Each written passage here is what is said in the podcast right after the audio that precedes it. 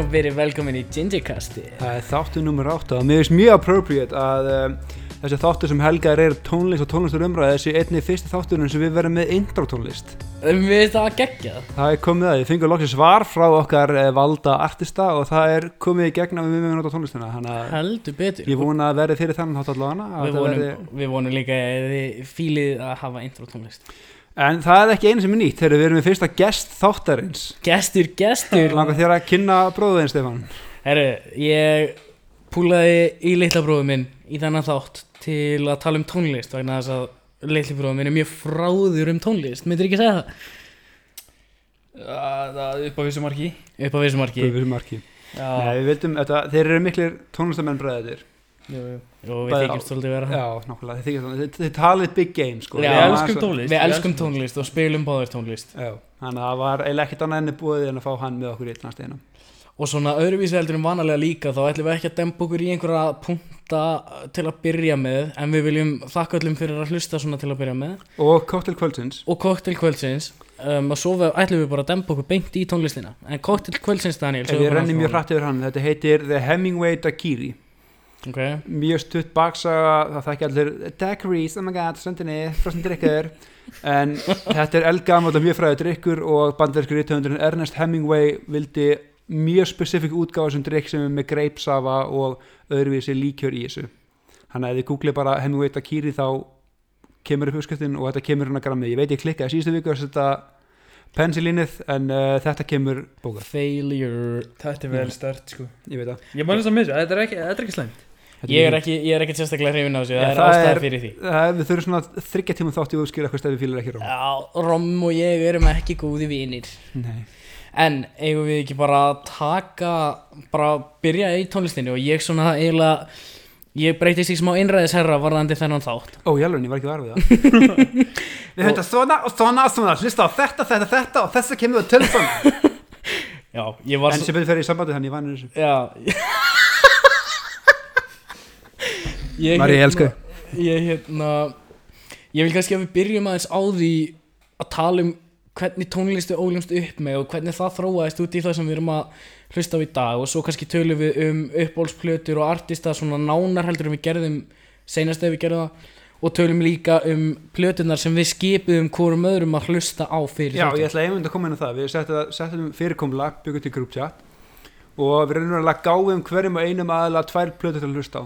Já, Það Sem var, það var um það var hún ítla að segja, það er kannski, það var svolítið fullmikið af því þetta þýttir fjóra plötur á mann. Já. og við ákveðum þetta mándan og þriðið en við hafðum einhverja fucking þrjá daga til þess að Já, og það er sko og sérstaklega ég veit með Steina sko hann, Steini er litli bróður minn bæði að hérna, ég veit með Steina hann, hann þarf svona tíu hlustennar á plötu til að vita hvort hún, hún finnst hún virkilega góð eða ekki sko. Já, Já, þannig að þrýr dagar til að hlusta á fjórar plötur og mynda konkrétt skoðun var Já, ekki þið voru líka ekkert með þessar uh, sjölaga plötur sko, þetta var bara 20, 20, 20 og Þeir, ok, Lumineers er ekki löng. Við komum að ok, já, Já, komum Nei, að- já, við sko, komum ég að- held að ég kynnt mikið nafnið. Þorstein Hannesson er sett nafnið á bróðurstæpa sem við fyrir þetta Þorstein Óli Hannesson. Við leik Ramman, mjög sexy drengur. Já, hann á a lot of fans á gramminu.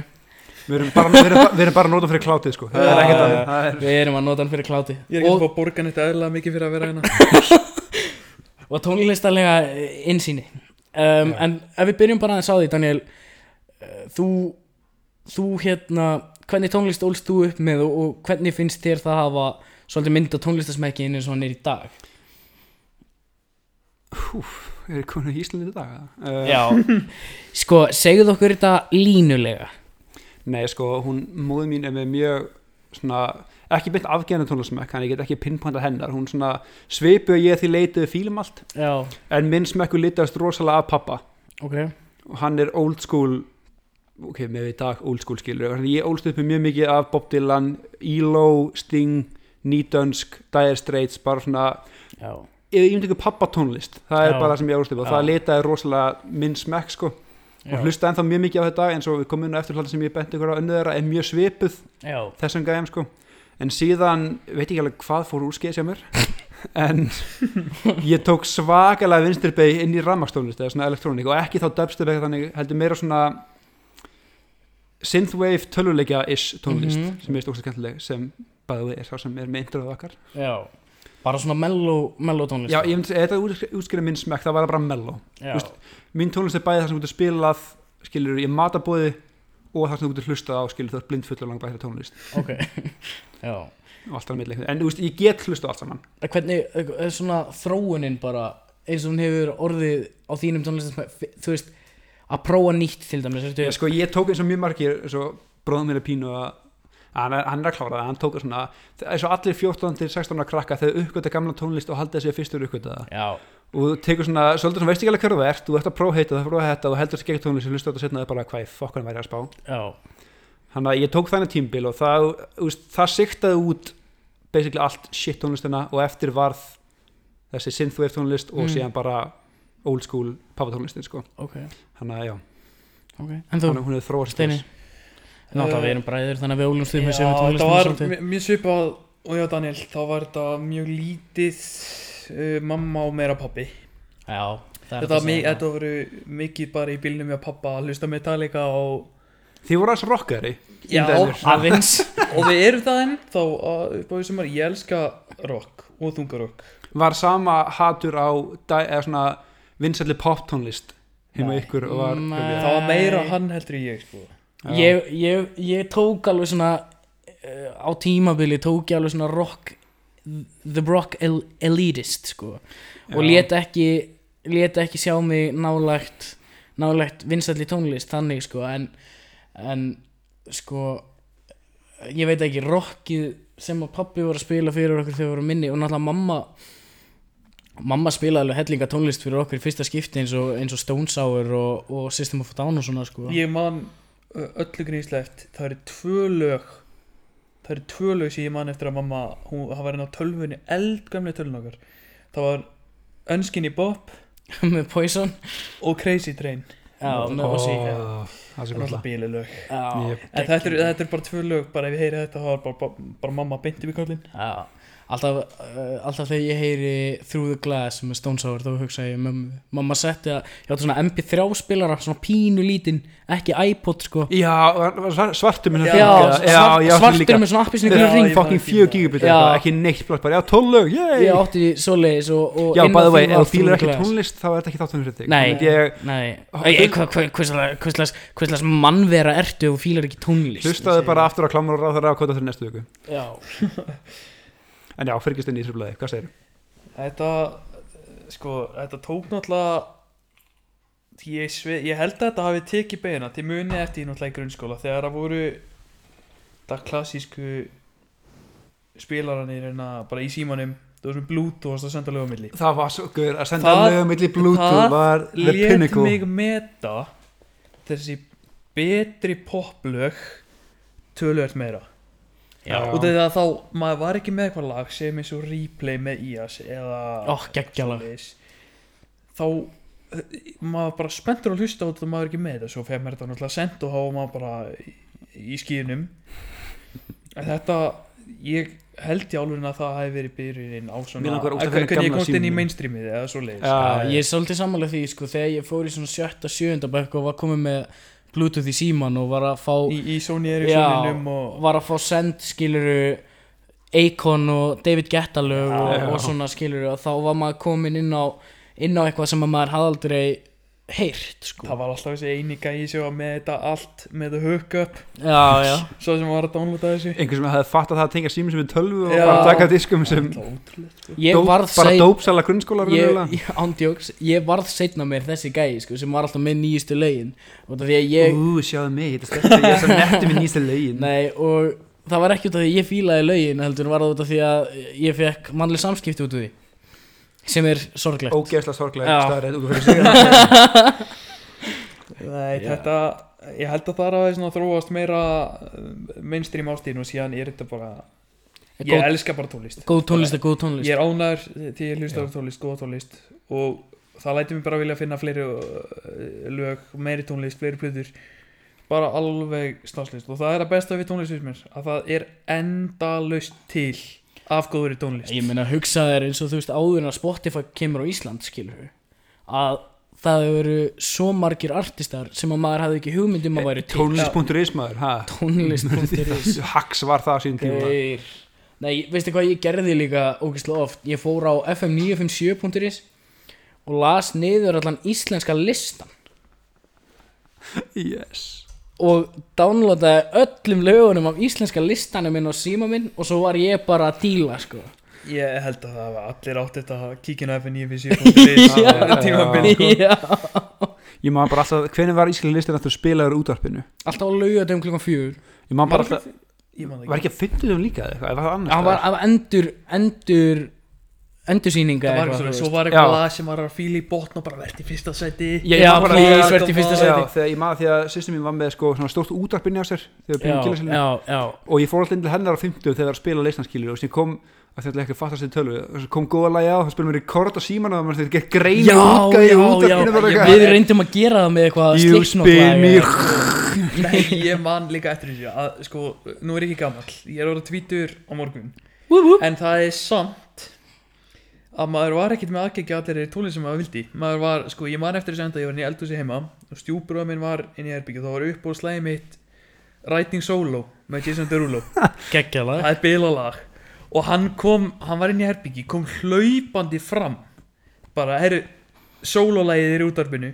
Þá ætla að tekið sprettin í herbyggi til þess að heyra það í útvarpinu Nei, nei, og svo manstu þegar að steindin okkar byrjaði? Vá, gett fít gauð Geðið tvítgaur Vá, Ég hringdi einu sinni inn, inn í Heiðar Austmann til að fá hann til að spila geðið tvítgaur og það hefur verið í rotationinu skilur þannig að þú veist, ég beið í klukkutíma fyrir framann útvarpið. Já, eftir að geðið tvítgaur kom svo kom það og ég þurfti að hlusta svo mikið að drastli þáka til. Ég líka sé- þegar maður reynda að taka þetta upp skilur og mistum maður alltaf fyrstu tíu segundum að það verður að finna fucking appi til Já, þess að að vanta alltaf byrjunina. Já, en lendi þing sem er nýði, árið koma þeir steppi lendi þing sem er nýði að það er ekki tónlist sem þið fucking hatið. Þetta sé ekki slæm tónlist, heldur ekki setið á og þú fær bara viðbröð að kýla einstaklingin sem um, Ég ég hef ekki lent í því en ég er alveg með það er sum tónlist sem ég á erfitt með að koma mér inn í sko. Ég er bara lendið, þú veist, ef ég er illa fyrir kallaður eða eitthvað og bróðum minn setur á villandi tónlistina þá fæ ég bara svona urge að svona backhand slap hann bara. Já ég skil þig. Maður er svona ef maður er að gera eitthvað sem í vinnunni eða eitthvað svolítið í bíl með einhverjum bara svona það sem maður er svolítið eh, þú þarft svolítið að vera að hlusta á þetta tónlist en það er ekkert mikið annað að gera. Og það kemur eitthvað sem þú veist þú fílar ekki þá er það svolítið bara svona instant svolítið verða skap. Já, já, já, er já, bara, já, ég er nýbúin að falla á prófi búin að, fann, úst, búin að segja mér upp í starfi og bróðum minn setur á fucking úst, gills. Já, Þetta er svona ekki tónlist sem ég þarf að heyra Við akkurat ekki fara núna. að tala um illa um gils hérna. Ég er ekki að líta um Það hann er ég er bara, stórkustlegu tónlistum maður það er bara á ákveðnum momentum er hann Já, ekki já. viðeigandi Ég veit en þú veist eins og ég, já.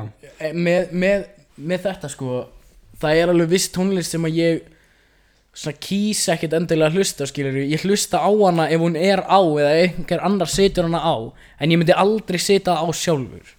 Skilur hvað ég meina? Þannig að Já. þú veist ég, ég þól hana ég nenni að hlusta á hana ef einhver annar setur það á en ég er ekki að persónlega að fara að velja að hlusta á þetta. Og ég er rosalega mikið svoleiðis með eins og dubstep.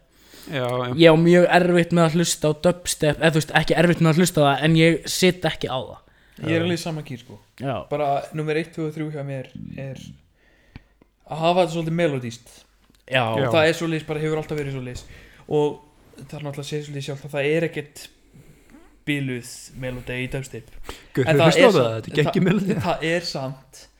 Stundum með maður í gýr Já, já, þá er þá er dubstep ekkert ekkert verða sko. Nei, nei, líka bara þú bara, veist bara eitthvað svona eitthvað gróf tjamlega eitthvað skil dubstep þegar maður er mölvanir í bæði eða eitthvað sko. Það er, já, já, já, þú veist, þetta er bara mér, þú veist, mér finnst sem elektronik tónlist mjög góð sko. Þú veist, svona hard bass og, og house tónlist getur verið alveg frábær en dubstep stundum finnst mér skrifan á land þannig að ég myndi ekki vilja sita á sko. En það er svona eina svona sem að kemur strax upp í kollin þú veist, svona óbáslega artistic jazz líka ég get hlusta á það mér finnst, mér, mér finnst jazz venjulegt bara fínt sko en þegar þetta komið út í svona þú veist 16 deilt með 44 sinnum þrýr tímasetningar á trommónum og svona þá er maður komin út í eitthvað sem að heilin á bara ekki að skilja. Að mér finnst ég samt sko ekki það að ég sé eitthvað sko jazz superfannina en mér, mér- finnst ég svona að kunna að meta það. Ég kann virkilega að meta það aftur, ég myndi ekki sitta á. Og, nei, en ég kann að meta það. Ég kann virkilega að meta það líka bara sem sem svona groundwork af ofbúslega mikill annari tónlist. ég líka lappan í kaffús og góð jazzplat í gangi það er bara, maður fer í betra skap eitthvað sko jazz, jazz finnst mér vera rosalega moodsetter líka sko. Já. og það er líka jazz er eins vítt og rock og, og pop og, og, og rap og svona skilur. Það er ekki hægt að setja það allt undir nákvæmlega sama hattin en en hérna svona ofbúslega artistik skrítnar tímasetningar og og asnælegar nótur jazz á ég mjög erfitt en á að koma það mér ekki inn um í. alla tónlist experimental Algjör, shit skilur, algjörlega, svona- algjörlega. Ég er ekkert að taka frá jazzi sko, ég er bara að segja það er eitt af því fáu sem ég á eftir að sitja mig almennilega inn í. Og ég ég ekki lendi bara í þessu með pí- ég hlusta mjög mikið sérstaklega þegar skólanum að læra sko. að það er ekki þetta að lesa eitthvað eitthvað. Uh, þú veist, það eru sem verk sem eru bara masterpiece, ógstlega meðurfallega og sín, sín eru sem svo bara heyra, þetta var bara eitthvað experimental piece sem þú veist, komst einhvern veginn að plötinu og það er bara, nei, þetta er, á þetta er áreiti. Ég á eftir að koma inn á þetta með rappið og eftir sko, experimental og ekki experimental sko. þetta er svona svona þetta er aftur, þetta fyrir svolítið eftir hvernig gýr ég er í. Stundum nenni ég ekki að hlusta á bara CGDA bara svona geðveitt standard tóli sem virkar. Hún virkar alltaf. Var bara Jason Mraz og já en stundum vill maður fá svolítið svona experimental svolítið exotic svona líka bara fá eitthvað nýtt skilur já ég segi það. Og hérna ef við segvegjum það inn í ef við tökum bara svona Aiko Yugo á Vil ég ekki klála fyrst hvað þín þrón var, en það var bara eins og steina hún var bara nákvæmlega eins og steina Já. sko. Þetta var að svona ef við klárum það almennilega þá sko var ég náttúrulega ólistu báðir upp sem miklu rockara sko og ég datt inn í ég er með fegin ef við gennum það. Ég líka. Það uh, let mig sko bara það að vera að spila Master of Puppets í, í árstreitana í bílnum með pappa það læti mann með þetta svo mikið. Já, og svo líka bara þú veist, þróunin út frá því líka að oh my god, þú veist, þú hlustar á Master of Puppets og þú getur líka, og þú ert líka að hlusta á Ariana Grande, skilur að vera með það og allt þar á milli. ég hef alltaf sagt þetta eða ég hef ekki alltaf sagt þetta en góð tónlist er bara góð tónlist. Já, góð tónlist Ja, er bara góð tónlist sko. og, og við komum kannski inn á það betur á eftir góð tónlist versus skemmtileg tónlist.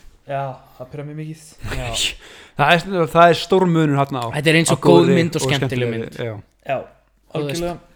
Um, en já, þú veist, þróaðist aðeins inn í mainstreamið með, þú veist, bluetoothinu og FM 957 allir að hlusta á FM 957 og tala um það Já. þannig að maður komst eiginlega ekkert hjá því og hérna svo þegar ég fór í, þú veist, 8. til 10. bekkjar þá var ég alltaf að hlusta á bara topp 40 listana á í Breitlandi og Bandaríkjunum skilur og svo um leið ég kom í mentaskóla það einhvern veginn fann aðsnæðilegt að segja skilur en þá fannst mér vera minni svona einhvern veginn social pressa að þú þurfir að fylgja mainstreaminu í tónlist. Væntanlega minni pressa þá það sko, Já, var alltaf svona, ég það kom er- með iPodum minn í skólan og ég var bara skítrættu við að sína fólki iPodum minn út af því að þeir myndi finna Metallica lögðan inn á.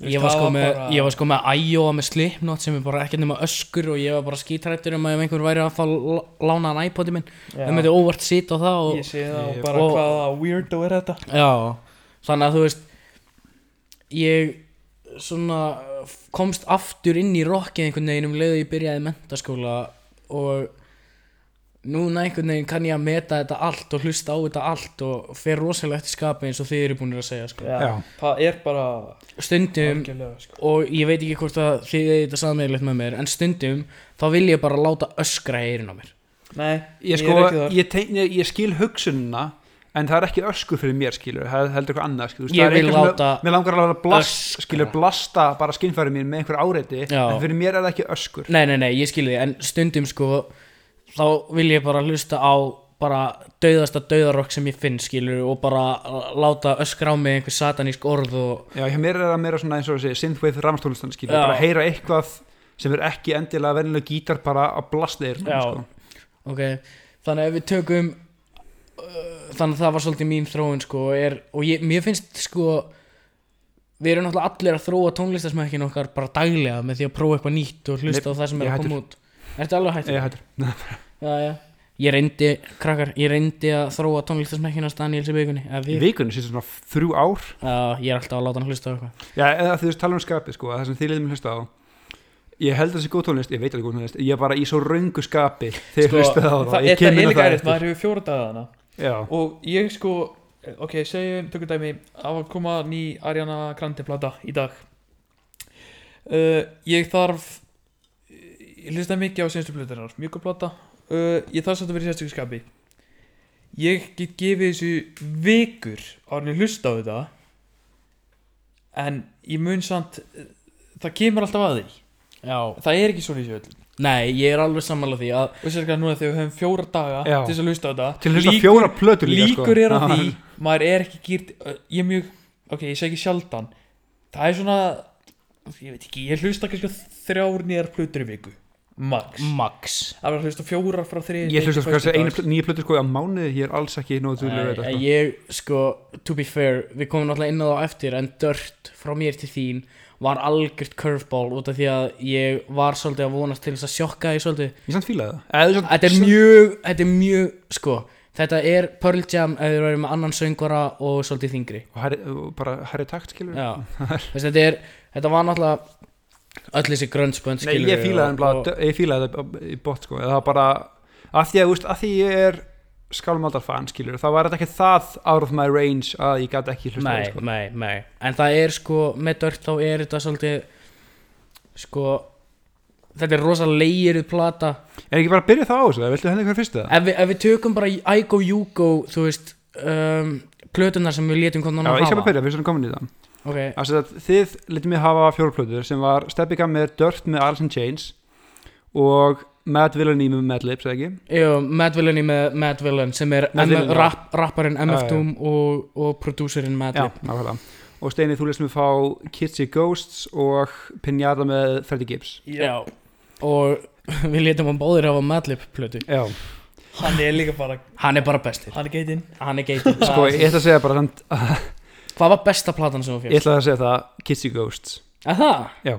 Það kemur mér mikið á orð ég er ekki þess að þetta er svo vel gerð helviti og ég er alls engin Kanye fan eins og Steppi Nei. veit skilur, ég er ekki mjög hrifin af Kanye eða veist, ekki, ok, ekki sem rappara, ég fíla tónlistina hann er alltaf vel, Já. mjög vel prodúsað hjá honum en Hann er ekkert sérstaklega góður, þú veist, rappari, hann rappari er skilurðu. svona hann, er- hann, hann er capable við komum að þessu ég Já, já. ég ætla ekki að fara út í þetta en sko, langar bara að gera samhengi að ég sem sagt, eins og við höfum fjóra daga til að hlusta á fjóra plötur Mhm. sem er viðbyrð lítil tími og ég ákvaða að reyna að sláta allt út þegar ég vaknaði 7.20 morgunin þess að keira austur í sko vinnuferð Já, sem tók mig í kringum 7 tíma að klára sko. Ok. Þannig að ég byrjaði á meðvilinni og ég sé ekki það að hlusta á hana klukkan halv 8 um morgun þetta helliseginni er ekki rétt tíminn til að hlusta á hana að ég var að fokkin sopna Mér finnst alltaf rétti tíminn til að hlusta með hún var alltaf mellow til að hlusta á hana mótnum ég hlusta á hana fyrst þegar ég var alveg í skólan í strætó og það var bara love at first sight. Já, það var ég, saman ég, mér ég var bara þetta væri svo heroin, ég gæti ekki hægt mér finnst hún að hlusta á allt of eitt geð- þetta er mjög mellow Hún er mér. jössuð. Ég Hún er mjög- Jössu, sko. mjög og það er þeirri tónlist sem ég notaði til að sopna þegar ég var yngri þetta var svona að Ég svæða mig. en Ég ég, ég neitaði að stoppa að því ég vildi ekki skipta um plötu, ég ætla að klára hana og síðan fara næstu. Já. síðan, ég tók hana fyrst, síðan tók ég Pinata skipti síðan yfir Kids Ghost og enda á Dirt. Mhm. ég ætla að segja það samt að back to back Mad Villainy yfir í piano er frábær transition skulur mm Mhm. að þeim það saman prodúsir þannig að mjög seamless Þetta eru tvær af mjög fáum tíum sem ég veit um Já, ég, ég myndi ég myndi ég myndi fara svo langt með að segja að pin, nei að Mad Villainy sé tíja sko en sko ég veit að þetta verður óvinslega skoðun ég veit líka ba ba sko, bæði með ykkur tvo og ég veit það er ákveðin hlusta sem er býja spenntir til mínu álita á þessu mm. en ég var ekki mjög prest, sorry. Það var, Nei, ok, mér finnst það alls ekki ég er ekki sér til lélega plata eða leiðileg á neittnátt Nei. ég ætla bara, ég ætla að fá að segja bara að þetta var ekki fyrir mig, er það ekki fer að segja? Það er mjög að sko. En þú veist, ég hef reynd að láta óbúðslega marga hlusta á Mad Villainy út af því að þegar ég heyrði hana fyrst þá var þetta eins og þú segir, þetta var eins og heroin ég gat ekki hægt og ég var alltaf að reyna að finna eitthvað sem að var eins og Mad Villainy og alltaf að reyna að hlusta meir sem að enda á því að sko ég er búin að hlusta á plötuna 2000 sinnum. Ég er með teljara sko. Ég það bara sko lög af plötunni. Já. En það var það, einmitt, ok, ég veit líka, veist, ég þarf ekki að hlusta hann aftur helst þegar fullur, af því það er ég opnaði fyrir nýju tónlist. Já, en ég var stone sober, ógislega þreyttur og ég sagði það að steppa á tjattinu sko að mér finnst cool í lögum þegar nota þetta gimmick skilur að blandir svona eins og fake fréttum já og, svona, og svona bara dialogi Já. já. eins og, eins og bara Unlock með Denzel skilur, Mhm. mm -hmm. það geggja hvað nota það sem er en mér fannst það af nota svo ógeðslega mikið af því sem kannski er en alltaf ég var þessi, mjög þreyttur en þetta var pínu fara, að fara í töðunar á myndinu lokin en það sko það sem. Matt Villani er er að sko frá pródúsir standpointinu er þannig að konceptplata sko ég veit það þú veist og hann er að búa hann er að reyna að búa til sögu bara með instrumentalinu og svo kemur MF Doom og rappar yfir það og MF Doom er einn besti sko textahöfundur í sögu raps þannig að sko þessi blanda af þeim tveimur sko svona horfandi aftur í tíman er bara er bara eins og ef að ef að Schumacher og, og, og hérna Tiger Woods hefði eignast bandskilur og og þeir hefðu verið bestir í báði sko. já, bara svona, þú veist, já, ég, núlega, ég mun aldrei draga það ef að þetta er léleg, þessi er góð plata nei, að ég veist, ég veit þetta er masterfully kraftið skilur og allt það og ég veit þetta er góð plata ég var bara ekki gýrnum þarna til að hlusta á þetta. Nei. Og ég það var, er bara fair enough og ég var ekki að taka þetta inn. Ég held að skilja allir. Það hafa allir verið, að, ok, ég veit það nú ekki en veist, ég verið hana. Að ég veit, ég hlusta á blötu og hún er ógeðslega vel gerð, hún er vel smíðuð. Mm -hmm. textan eru flottir, það eru góð flows það er allt. Bara alveg stórkostlegt á henni en þetta er bara ekki fyrir mig. Ég er líka bara eins og með sko að eins og þú- við tölum um þetta aðeins áðan með að sampla sko. Mm -hmm. hann, þú segir mér að hann sampla rosalega mikið. Já, bara já. ótrúlega Og bara eiginlega allt sem hann gerir. aftur, mér finnst líka að sampla rosalega cool en bara, ég veist, ég, na- sampling, þetta greip mig ekki. Nei. Að Mér finnst það, mér finnst það mjög sangjant að segja það en sko um, það er rosalega sjaldan rosalega sjaldan sem að ég elska plötu við fyrstu hlustun til dæmis. Já, alveg, ég er þörrugt, ég heyri alltaf strax hvað fílina ekki Já, þannig að þú veist ég ég held að sko Matt Villani og To Pimp a Butterfly og svo en aðrar kannski nokkrar fleiri sem við komum inn á eftir eru með fáu plötunum sem að ég hef hlustað á og bara elskað strax. En veist, það og er ekki geta fengið nóg. En dreymið líka, þú veist, ef við að því hlustast þeim morgun, ef þetta væri þú veist, við þrýr og kannski stráðum í skólanum eða eitthvað Mhm. hlusta, þá myndi ég alltaf setja hann á skilu þetta er alveg, ég, ég get alveg hlusta á það, mér finnst alveg finna að hlusta á þetta. já, en þetta er, veist, ég myndi ekki aktífili vel þetta sjálfur ef ég er eitt skilur í eitthvað svona. Ok. Og mér finnst Pinjata vera svipað. En Já. eitt sem ég spottaði sem með mununum á Pinjata og meðvölinni er að mér finnst líka sum lögin í Pinjata, vera svolítið löng. Já, það. Án þess að breytast eitthvað rosalega Já, mikið. það er nefnilega, sko eins og, bara til þetta shitswill eins og ég sagði þér á það er pinjata og svo er pinjata beats. Það er bara beatin, Já. það er bara algjörlega köttað rappið út, alveg. Ég hef hlustað á þetta aftur og aftur og aftur út af mér finnst þetta bara melodíanar í beatinu og allt bara vera svo ógæðislega velgerðar hjá hann um allir í byrn okkar. Að ég get hlustað á þetta endalust en það aftur á móti það þetta er samt þetta er sama beati á lúpi Já. mjög mikið. Já, og eins og ég ætla að segja þetta shitswill skilur mér finnst það geðveikt bítandi sturla bít en sko. lægið er þrjára mínútur og bítið breytist mjög lítið Já, hann skilur er- við, viðlaugin ish það er svona með þannig að eftir tvær halv mínútur bara svona ok það ég er svona með að gera hérna skilur En það- Pinjata-lægið sem sagt, lagið sem að platan er skýri eftir eða öfugt, ég veit ekki það er hvað, áttamindur já, og það er sama bítið. Já. Já. Og það var bara að að að- repetition sko, mér finnst það að vera tíja þessi plata, mér finnst það að vera bara, þú gefur ekki tíur. Nei. Þetta er samt bara mér finnst Freddy vera fullkomin á henni og finnst Melli bara bilar Sko, en þetta er áttamindur af sama lúpi en það er mikið og það, það, sem að, það sem að mér finnst samt vera rosa gott við Pinjata lægið sjálft er að jú, þetta er sama bítið og lúpið endalaust en þú ert með svo marga mismunandi rappara yfir Já. bítið að þú færð þó að bítið haldi, haldist eins þá færðu mismunandi rattir og mismunandi flow og mismunandi áherslur yfir bítið þannig að þú veist þegar ég hlusta á þetta þá tek ég minna eftir því að þetta sé sama bítið allan tíman og einblýni mig miklu meira á hvað rappararnir er að gera sko. Já. en ég skil hvað þú ert að segja Já, ég- það er það sem ég er að segja, þú veist, eða þe- þegar maður hlusta á þetta í, í 70 skiptið eða maður að hlusta á sérst bara beatsplötuna þá er, það er þá þess sem maður íti kannski á skip á, á áttaminna lúpi, sko. að því að já, ég þetta þurfa að hlusta hann aftur.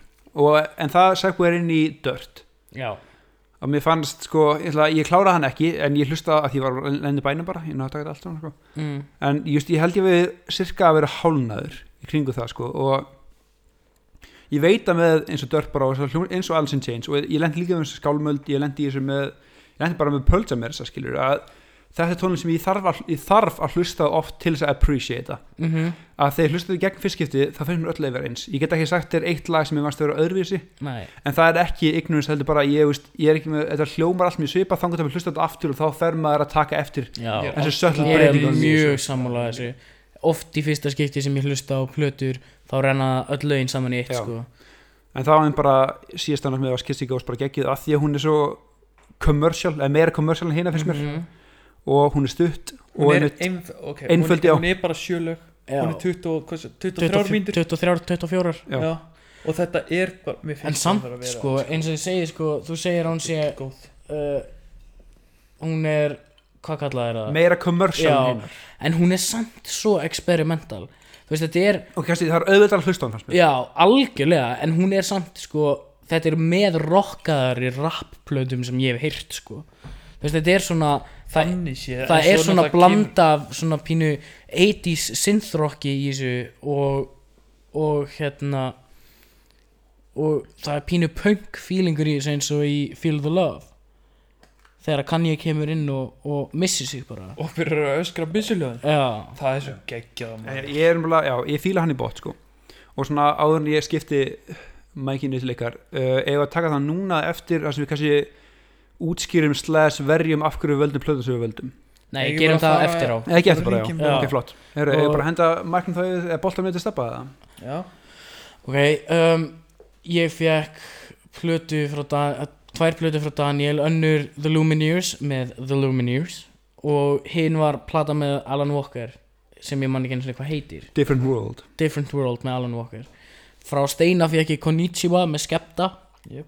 Og Jesus með Kanye West. Og Konnichiwa og Jesus er hvort ekki plötur sem að ég hef hlustað á en Steini veit að ég hef ekki hlustað almennilega á þær. Þannig að þetta var pínu svona nuts nuts frá Steina geðum annan sens sko. Um, ég ætla bara að vera fullkomlega hreinskilinn. Uh, ég rendi Lumineers tvisar í gegn og Alan Walker einu sinni í gegn. Og Alan Walker sko í fyrsta skipti sem ég hlusta á plötur þá finnst mér að rosalega mikið tellsæn hvort það sé góð plata eða ekki eða hvort að ég eigi eftir að hlusta á hana aftur eða ekki hvort það sé eitthvað sem að fyrir tauganar á mér eða eitthvað sem ég skipa. Og ég ætla bara að gefa þér það að það var ekkert sem að ég var ekki að fíla á hvor, eða þú veist á plötunum sem þú gafst mér. Og Lumen er sérstaklega út að ég var að vinna og þetta er svona uplifting mellow, svona fólki tónlist að þá svona þú veist, hún var bara í gangi og þú veist ekkert pyrraði mig á henni. Þetta var bara mjög þægileg hlustun ætla ég að lefa mér að segja. Um, og svo Alan Walker er náttúrulega bara Alan Walker. Bara og ógeðslega bara auðvelt að hlusta á. Og það var lag sem ég man ekki hvað heitir. Ég sko gæti ekki nefnt eitt lag af Lumineers plötunni út af því að ég var í vinnunni og ég var ekkert að fylgjast með hvað var í gangi á plötunni, ég var að setja plötuna á repeat um, það var, voru tvö lög á Alan Walker plötunni sem voru virkilega góð en ég get ekki sagt hvað þau heita. Um, sko ég ætla að segja samt ég get ekki sagt hvort mér fannst betri eða hvort mér fannst síðri út að ég hlustaði bara einu sinni á Alan Walker. En Lumineers platan kom mér skemmtilega óvart. Út af því að ég hef ekki verið mikið að færa mig inn í sko þessa típu af tónlist.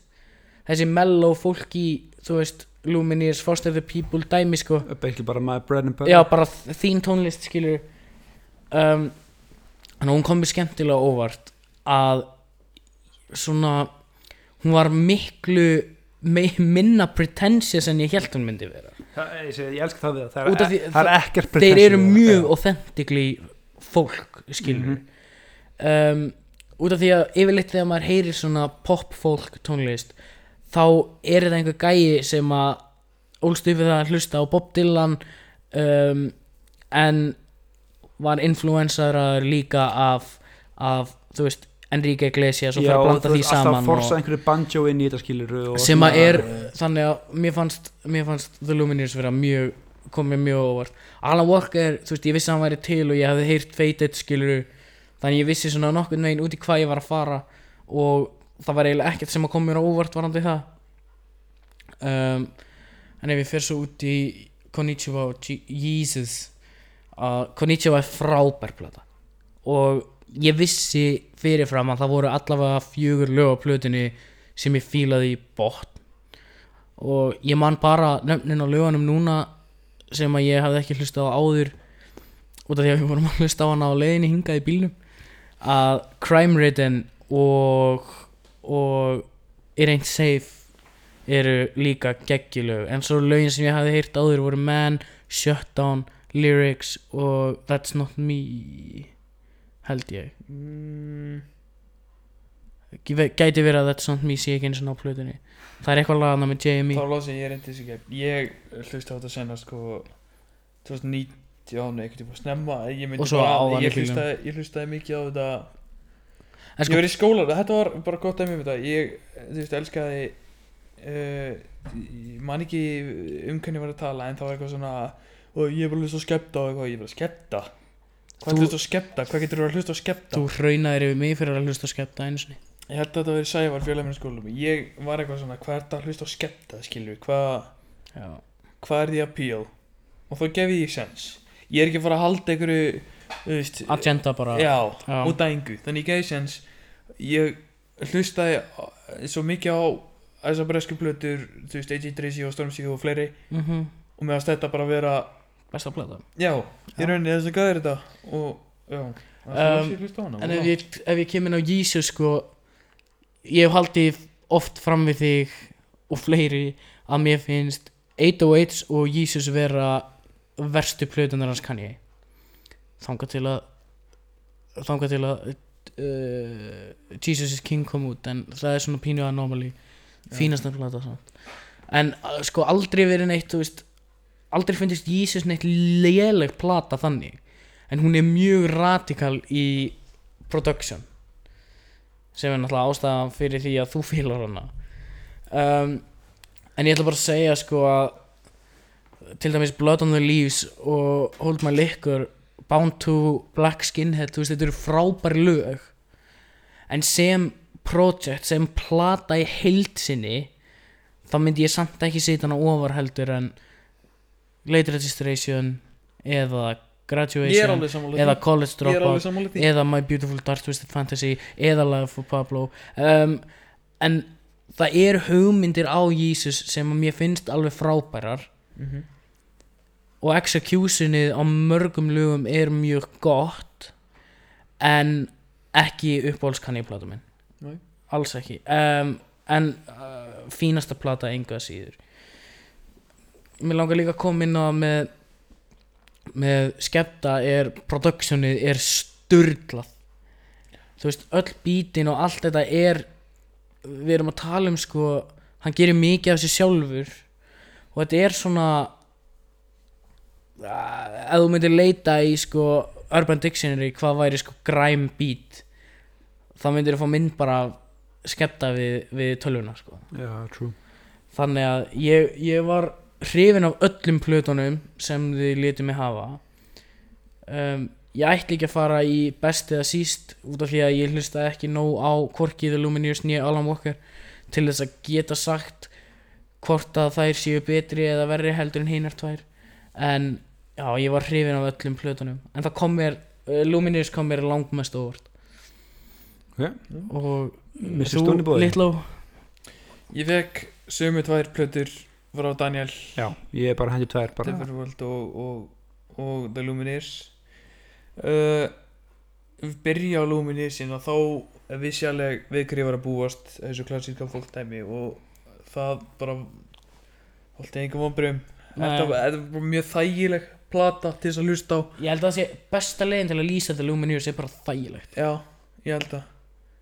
Þú veist, ég, ég er ekki að fara að setja þetta á okkur djammi en kannski ef ég, ef Ég það vona ekki, sko. eins og, eins og segir, kannski eh, lærandi eða bara svona með hugan við eitthvað annað kannski. Já, þá er þetta mjög svona, þægilegt á Ég í ef þú- rauninni. ef þú vilt vanga einhverja píu eða eitthvað skilur þá hendur í slow it Sko, down það en sem, að, Lumineers og ég glemdi eiginlega alveg að nefna þetta er að þeir eru það er, það er hægt að hlusta hlusta á þá skilur en það er líka hægt að hafa það bara, Ja, bara sem í bakgrunnin skilur sem Þið virka bæði matabóð og ef þú vilt virkilega Já, hlusta á Já. og uh, koma líka að því að söngvarinn í The Lumineers er geggjaður live. Ó, já, ég ætla að minnast á það. Ah, Ég, það er þetta eitt sem ég tók eftir Ef ég var að leiðin í vinnuna og var að hlusta á þetta Að hann, hann er með ógeðslega töffrödd En þetta er ekkit gæin sem er að fara að halda nótu í tíu sekundur eða? Það Nei, nei, nei, hann skýst upp og niður strax Já, sko. Það ég heyrði það mitt, ég man ekki Það var á einhverju lægi hana maður, ég hef ekki hugmyndu það. En það var eitt svona, það sem að fá svona aðeins En það er náttúrulega bara partur, af þessu. Að hafa þetta authentic, að hafa þetta alvöru bara, hann er töffrödd Ekkert að flækja þetta. Nei, nákvæmlega. Og ekki það að hann kann að syngja.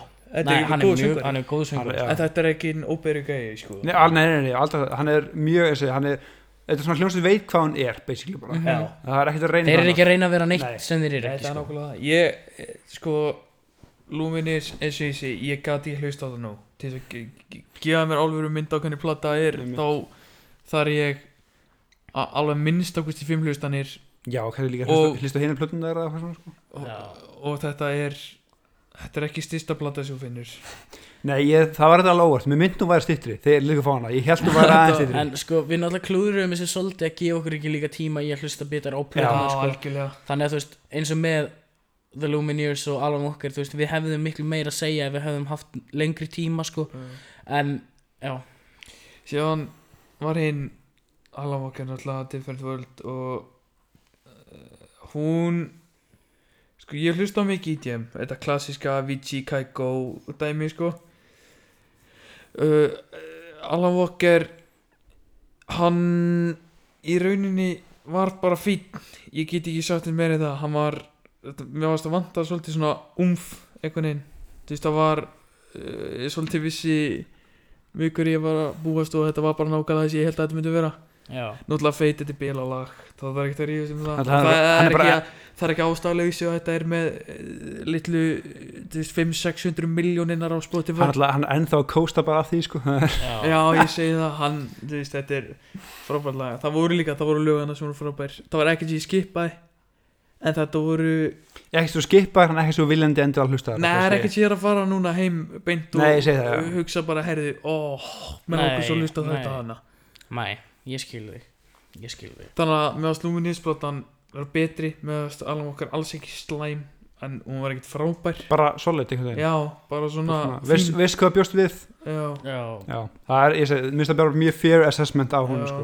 þú veist, þetta er ekki ekki frábær, ég, ekki ég hræður hlusta á svona elektrotólist þá þá elska ég þegar komur óvart já, ég er svolítið þetta er alltaf svona sama build-upið sama og svo kemur uh, uh, klappið inn í þetta verður hraður og hraður og síðan kemur droppið og, og, og þú veist, það veit allir vikur er að búast. Síðan kemur dúm Já, og síðan aftur. Þetta er bara, þetta sama, sama uppskriftin alltaf. Já, það er eins og með hérna Tarantula-lagið, hefur heyrt það? Ekki með Alan Walker eða neitt bara til að smá útutúr að það er svona rasta fílingur í Raha? rasta, það er svona Jamaican svona já, já, já. Bob Marley fílingur í. Og fyrsta skipti sem ég hlustaði á það þá sko mér brá á hvað ég var að hlusta.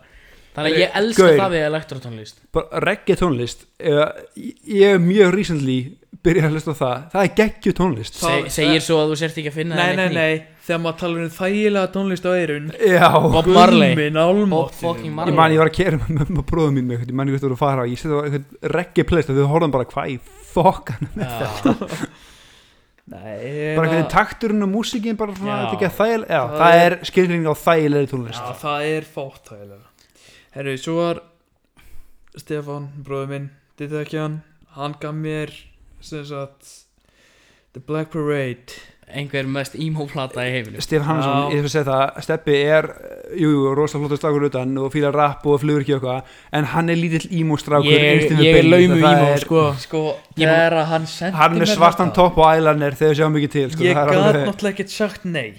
Ég ætla að reynskilja mér nokkaði ekkert. Nei, Ekki neitt að hlusta á þessu blötu, ekkert. ég, ég hef líka oft verið að hlusta á þessa plötu The Black Parade með, með My Chemical og Romance síðan lítur þú speil og bara hvað ég er nei, ég að gera? nei, nei, nei, nei, nei, svo líti ég á Steina og Steini sér hvað ég er að hlusta á og ég fæ að heyra. Sko, þetta var oft svona Ég man eftir því þegar við vorum í litla bandinu okkar já, Með Jón Ísak. Já, Þið voru alltaf með þessi emo lög Og kölluðu þetta guilty pleasure það er nákvæmlega það sem að þessi plata er.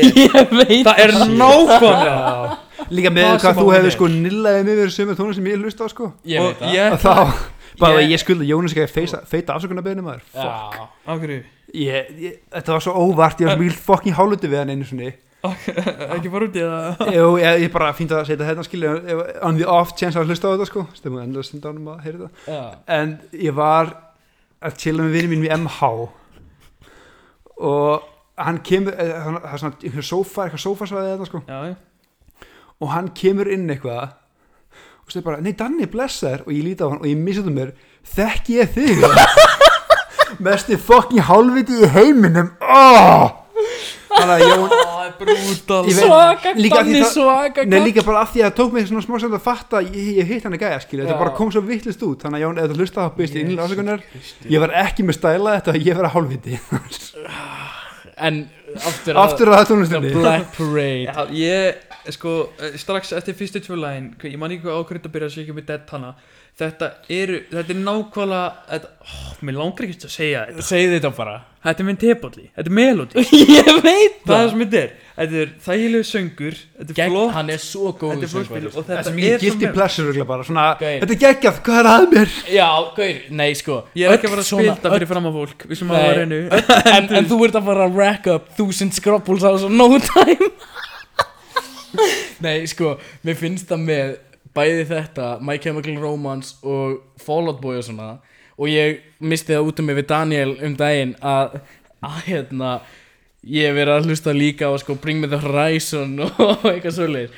Að ég er búinn að finna litla emo steppa aftur sko En- búin að finna, hann var til sko- að landa hennar þinni My Chemical Romance og þessi plata The Black Parade alveg í gegn, öll viðlaugin er eitthvað sem þú, þig langar að öskra. Hérna er það sem ég ætla að segja á hann uh, Ég ætla að spara að vera í podcastið. Ég, ok, það eru tvö lög sem ég þekkti strax að replutu Teenagers og The Black Parade. Já. Welcome to the Black Parade. Hérna málið. Mm. Þetta eru tvö sístu lög á plutunni Ég er sammálaðir, alveg 100% sammálaðir Teenagers er þreytt lag. Já, það var allir heyrt Teenagers 100 sinnum sko. Og The Black Parade er bara svona standard lag. Mér finnst mér Blackberry, mér finnst það geggja þá til að byrja að syngja Mér finnst bara uppbildi þegar hann tala um eitthvað síðan kemur þetta rockin ég bara, nei, ég er ekki með já, ég, Ég mæli með þessari plötu út af því að þetta þú getur verið inn í herbyggi þú, þar, nei, þú, þar, þú þarf ekki að skammast þín. Þú hlustar á þetta, þetta er stórkvöldu jú, málega, þú þarft að skammast þín. En þegar ég heyri bara Welcome to the Black Parade sem byrjar, þú veist, þetta byrjar ógæslega fallega og gett skemmtilega. Nei, hafið sé coverarti af helst plötunni Já, já. Eitthvað fólk að kissa oh, síðan sko, sem byrjar þetta emo partjörn ég er bara svona, þú veist, mér líður svo þurfa fyrir að baðbyggi með speil og ítsjaborð bara Já, og hata já. líf mitt að okay, Nei, sko, The Black Parade er og þetta kom mér svo óvart. Ég byrjaði bara að hlusta á hana í sumar út af því að ég sá á Twitter að þeir voru með eitthvað svona reunion og það var náttúrulega cancelað út af COVID. Þeir náðu bara að gera eitt sjó og þeir voru ekki búin að vera saman sem band í sko tíu ár. Mm. og ég var eitthvað og þá urðu allir á Twitter svo fucking spenntir og ég eitthvað hvað fucking akkur er allir svona spenntir fyrir þessu? Ákvaðu að hlusta á plötuna? Og ég hef bara ekki snúið tilbaka síðan. Líka sko, ég ætla að segja það samt, þessi, þessi hljómsveit, þessi bæði og Panic! the Disco örgulega með bara mest dedicated aðdáðandur Já, af því ég man bara, ég sá eitthvað svona þú veist, þegar 2020 var að byrja bara eitthvað hvað er besta lag áratusins og fucking fjöldi kommentana sem var bara Welcome to the Black Parade, eitthvað svona Já, bæði. My Chemical Romance og Panic! at the Disco já, sem bara uh, flottuðu inn kommentin, Já. þetta var svona ok, þetta En er flott sko- lög en bestu lög áratusins en Panic at the Disco finnst mér vera meira sko, ég nenni eiginlega bara að hlusta vitla með þeim en sko, ef við kom aftur á Welcome to the Black Parade that being said, ég veit lag með Panic! at the Disco á playlistanum mínum Já, nákvæmlega, en sko flóið á plötunni líka stein já, Það er geggja það er stókslega ég sko, ok, hérna málið þegar ég er að hlusta plötur þá er ég vennilega í tölvunni að dunda mér eitthvað og ég er með þetta í bakgrunnum. Ég er ekki með full focus þá strax eftir fjóruður hlustun þá er ég farin að kannast við laun. Þá er ég farin að svona stilla mig við og svona raula með, humma með uh, textanum og, og svo leiðis og Steini var farin að syngja þetta bara Nei, hættu að ljúa Hættu að ljúa Ég söng þetta ekki Tvinn plata en ég þetta ekki Þetta er cap. Þetta Þetta er frábæð plata. Ég get ekki neitt að Nei, þetta er geggjuð plata. ég vildi ekki hata hana Ég get ekki. Uh, Þetta er styrlu Við hvað var hins og stefikaðir hérna? Ég gaf honum bara eina. Bara, Þetta er ok. endalaus Þetta er fokkin plata, klukkutíma plata ok, skil. og svaka saga og eitthvað skilur við. Við hefum alltaf að gefa það Bara ein plata mann er það Það er- að okkur. Ef við gerum þetta aftur þá var ein plata og við Já. gefum tvær vikur til þess að Já. já. En ef að fara ég að verja akkur Sko, ok, mitt upprunna, mín hugsun var ég vissi hvernig þið tveir fucking fungera. Já, Þetta er þið rap heavy skilur frá ykkur báðum. Mhm. sem að það var og rap slash rock. Já, Þannig að ég gerði mér greið fyrir því hann að, þú veist, til þess að koma veg fyrir þetta podcast er bara ég er fucking rappi geggjað og rocki geggjað. Þá reyndi ég svona ekki viljandi bara svona að reyna að henda aðeins öðruvísi tónlist í mixið. Já, hendi í körpur og Lumineers voru nummer eitt hjá mér. Alveg hygglust af því að mér fannst nefnilega sko ég á margar svona uppáháls innan gæsalappa hljómsveitir og tónlist og eitthvað. Já. En þú veist, mér langaði að gefa ykkur annarkvort Dylan eða Dire Straits eða þú veist, eitthvað þeim ég- þetta hefur Pink Floyd en ég veit að þið hlusti báður á það skilur hann það er Já, ekki nýtt. Það elska allir Pink Floyd. Já, veist, Dire Straits eða Dylan en málega er, ég fann enga eina plötu sem var betri en aðra skilur eins og með Nei. bara Dire Straits, Communique og Making Movies og allt þetta. Brothers in Arms. Bronson Arms, það er allir geggjaðar og einmitt á Dylan skilur Highway 61 Revisited og Blonde on Blonde og mm -hmm. það, er allar mjög góðar og mér var spínu svindlan út á live útgáfi þetta er alltaf bara besta þannig að ég vildi samt hafa því í þessum gýr ok. Og þá náttúrulega Daft mér hefur Lumineers af því mér styrir svona modern útgáfa af þessari típa af tónlist, já, og mér finnst allar plötunar ekki ég væri valkveð að velja bara hvaða plötu þetta velja því mér finnst bara Cleopatra, All Lumineers og þrý allar góðar sko. Ok. Og mæli hygglis með að fólk hlusta á allar. Af því að eins og þið sögðu þetta er ógeðslega unpretentious og ef þið hlusta plötuna og síðan það geggjur live útgáfa á YouTube sem er skilur bara svona, þetta var ekki tónleikar þetta var bara svona buðið buði vinu sínum í eitthvað yfirgefið hús og bara með hljóðfæri skilur þetta sko. Og þau eru alveg jafngóð eða ekki betri live af því að söngvarinn, hann er eins og Steinir sagði hann er ekki að hitta einhverja háar sénótur og halda í 20 segundur sem þarf að dubba eða eitthvað. Nei, hann fer upp í hálfa segundur sem beint aftur niður skilur Hann bara góður í því sem hann á að gera hann að, er bara með þessa töff Álfuru söngvara rödd. Ég veit ekki hvernig er betra orða heldur í það. Já, ég segi, þetta er bara, þetta er svona bara pjúra einmitt unpretentious Já, söngvar þú veist, Þessi gæja var ekkert okkur námskjöfum var yngri. Nei, Það var bara Minnum með töff svolítið á hann röddina hjá- og, og fór í bara, pröfu bara og, hæfilegar ykkur gæi. Svona Já. svona Kaleo. Já, bara svona, þetta er svona bara og líka sem ég elska við Lumineers að mér stóður lítið með í dag svona alveg bara bönd já, þetta er næstu bara sveitaballaband finnst mér Lumineers einhvern veginn. Með bara geggið productioni skilur af því að allir hljóðfæleikarnir eru flottir. Mhm, þeir spila eins og þægilega lög sem auðvitað að hlusta á það hatar þetta enginn en kannski elskir þetta ekki allir heldur þetta er bara svona auðvitað bakgrunnu og ef þú vilt ekki hlusta á þetta þá er þetta ógæslega þægilega gott að hlusta á. Já, og það var svolítið ástæðan því ég valdi það. Ok. En setjumplatan var alveg því mér langaði að henda filter í ykkur en ég vissi, vissi ég mælti með henn síðustu viku Já, ég náttúrulega er búin að hlusta á filter og, og hérna, hann verður, hann er introið okkar, þannig að big shout out á filter. Já, og einmitt og ég vil, þú veist, ég líka til að nýbyrja að hlusta á hann sko, að Já. mér langaði að henda ykkur sem ég virkilega elskaði Já, og mér langaði þá svona að henda ykkur körbólum úr tvö, bara eitthvað allt, allt, allt öðruvísi en við varum svona ræði kvöld skilur já, og á sama átt að steppiði lítil emo uh, úlingur þá var mitt svona skeið Alan Walker var slöðum mér sko. Af því að ég man ég heyrði hann fyrsti heyrði Fate sem var precursorinn af Fate skilur, þetta var bara instrumental instrumentalið. En mér svo fyndið að Alan Walker er næstu guilty pleasure af því að hann var svo mikið YouTube intro mhm. svona Minecraft gaming einhvern veginn lag skilur. ég, ég sé að svipum að steina hann er sammála mér. Já, ég meina við erum allir sammála þessu. Steini í den, hann bjó til Minecraft intro Ok, sendi hætt saman Minecraft intro. Ég bjóð bara til intro. Já, Og þau voru vígaleg en það er svo, úst, ég elska tónlistinans og einmitt mér er svo líka svo gaman að því að ég fylgdi þessi mjög gegn tíðina. Og mér finnst bæðið snill hjá hann að þú veist, mjög margar hljómsveitir gera þetta að þeir bara ekki Alan Walker beið í sex ár með að út plötu sem tók bara bestu lögi sín og hendi það eitt í plötu. Já. en það var basically live útgáfa en bara plata. Sko, ég man eftir þegar Það, það hétt bara Fate Það er bara Fate, ekki? já. og það er Það geðveikt var, lag. já, ég man eftir því lagi í Sjólisibur Bara ekki, ekki söngur bara vinsælasta NCS lag Og það, já. En hann náði að framkvæma það svo djöfull vel með söngkonuna Já. líka. Ég, ég segi það og það sem ég elska við, við hann að hann progressi alltaf, mér er þess að eftir Fate hann má líka eiga það með feit sko, og feited að á sínum tíma sko þetta var aðeins harðara heldur en það sem var vinsælt á sínum tíma skilur Calvin Harris og Avicii já, og þetta, þetta var miklu þingra einhvern veginn og þú veist build-upið hérna og sér alltaf bara fokkin já og, svo, og sérstaklega með söngnum þó að sko instrumentali sjálft sé ofbúslega gott en með söngnum þá er þetta með meira kick já, þetta er samt aftur að koma í að þetta er þetta er oft sama dæmi með hann Æ, Algjörlega. e, og, og með allar elektrónli þetta kemur við þetta byrja rólega sjá tramvinar slá já, hraða já, þetta er hækka sama, aðeins um pitch á fyrir du du du du du í du du du du Já, já. þetta er sama handrit sko. en það gerir þetta samt svo miklu meira maður er bara að dilla sér við á automatic já. Já, en þetta er, þetta er bara uppskriftin af EDM tónlist Já, mér fannst hann, við, erum að því ég, ég hlusta líka mikið, í kringum hann sko og það er alveg rétt skilja, þetta fylgir náttúrulega nákvæmlega saman handritið öll lögin, Mm. mér fannst hann gera þetta einhvern veginn öðruvísi mér fannst oft í honum vera svona kannski þess að segja það, en meiri vinna en meira hjarta á þetta, bak þetta minnir mig svolítið að sko, Alan Walker minnir mig svolítið á Martin Garrix þegar það kemur að því að þeir fylgja þessari þeir fylgja þessari uppskrift sko,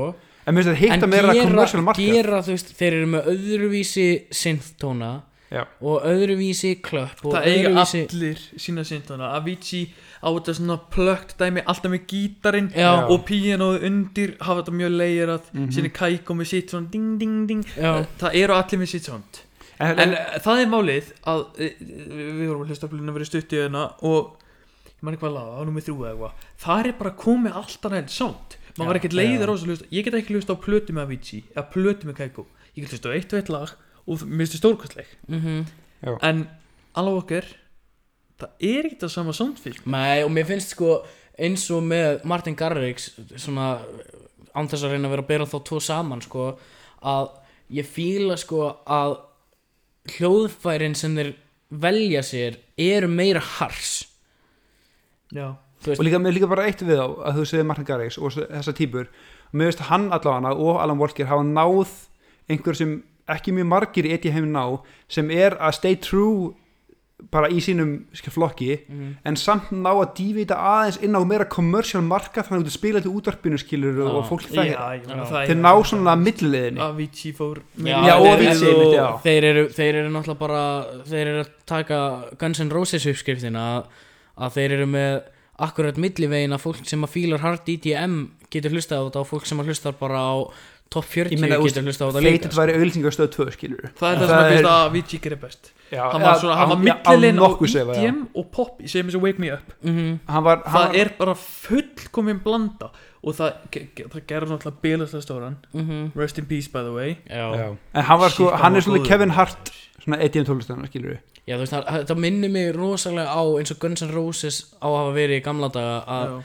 Guns N' Roses náðu í alla sem að voru að hlusta á Wham og Poison og þessa tónlist þessa, þessa eins og var kallað þá þessa stelpurocks tónlist. Já. og, og þá sem að hlustuðu á Metallica og Megadeth og Slayer og hittu akkurat millivegin og þar af leiðandi seldu þeir tvöfald fleiri plötur Já. heldur en allir. Er ég off að segja Mötli Krúur og svipaðir Mötli hlusta svipaðir nú upp á það að gera sko. að þeir hittu millivegin nokkurn veginn en þeir voru nær Poison já, og Já, voru já. svo se, í setni tímum skilur er settir inn í þann hóp sko. Ég er að pæla þessu út að í vinninni þá get ég ég er ofta á tónlistinni ég get hendi í Welcome to the Jungle.